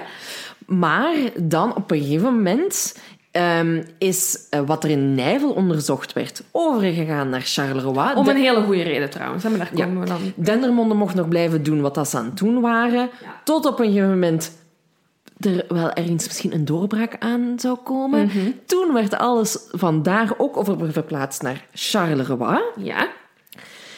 Dus alles zit nu samen bij Charleroi. We spreken over een paar decennia ondertussen. ja, we zijn in de jaren 90 Eh, bijna. nieuwe rechercheurs die erop kwamen gezet. En dan vanaf 2018 zit het dossier bij het federaal parket, maar die werken nog steeds wel samen met de onderzoeksrechter in Charleroi. Dus Maar als ze nu spreken over het bendeonderzoek, spreken ze van de cel Waals-Brabant. Toch? ja, ja, dat is dus inderdaad eh, wat er in Charleroi zich be- bevindt, onder leiding van het federaal parket. Ja. Dat is wat de, wat de afgelopen paar jaar Ja. nu zo is. Ja.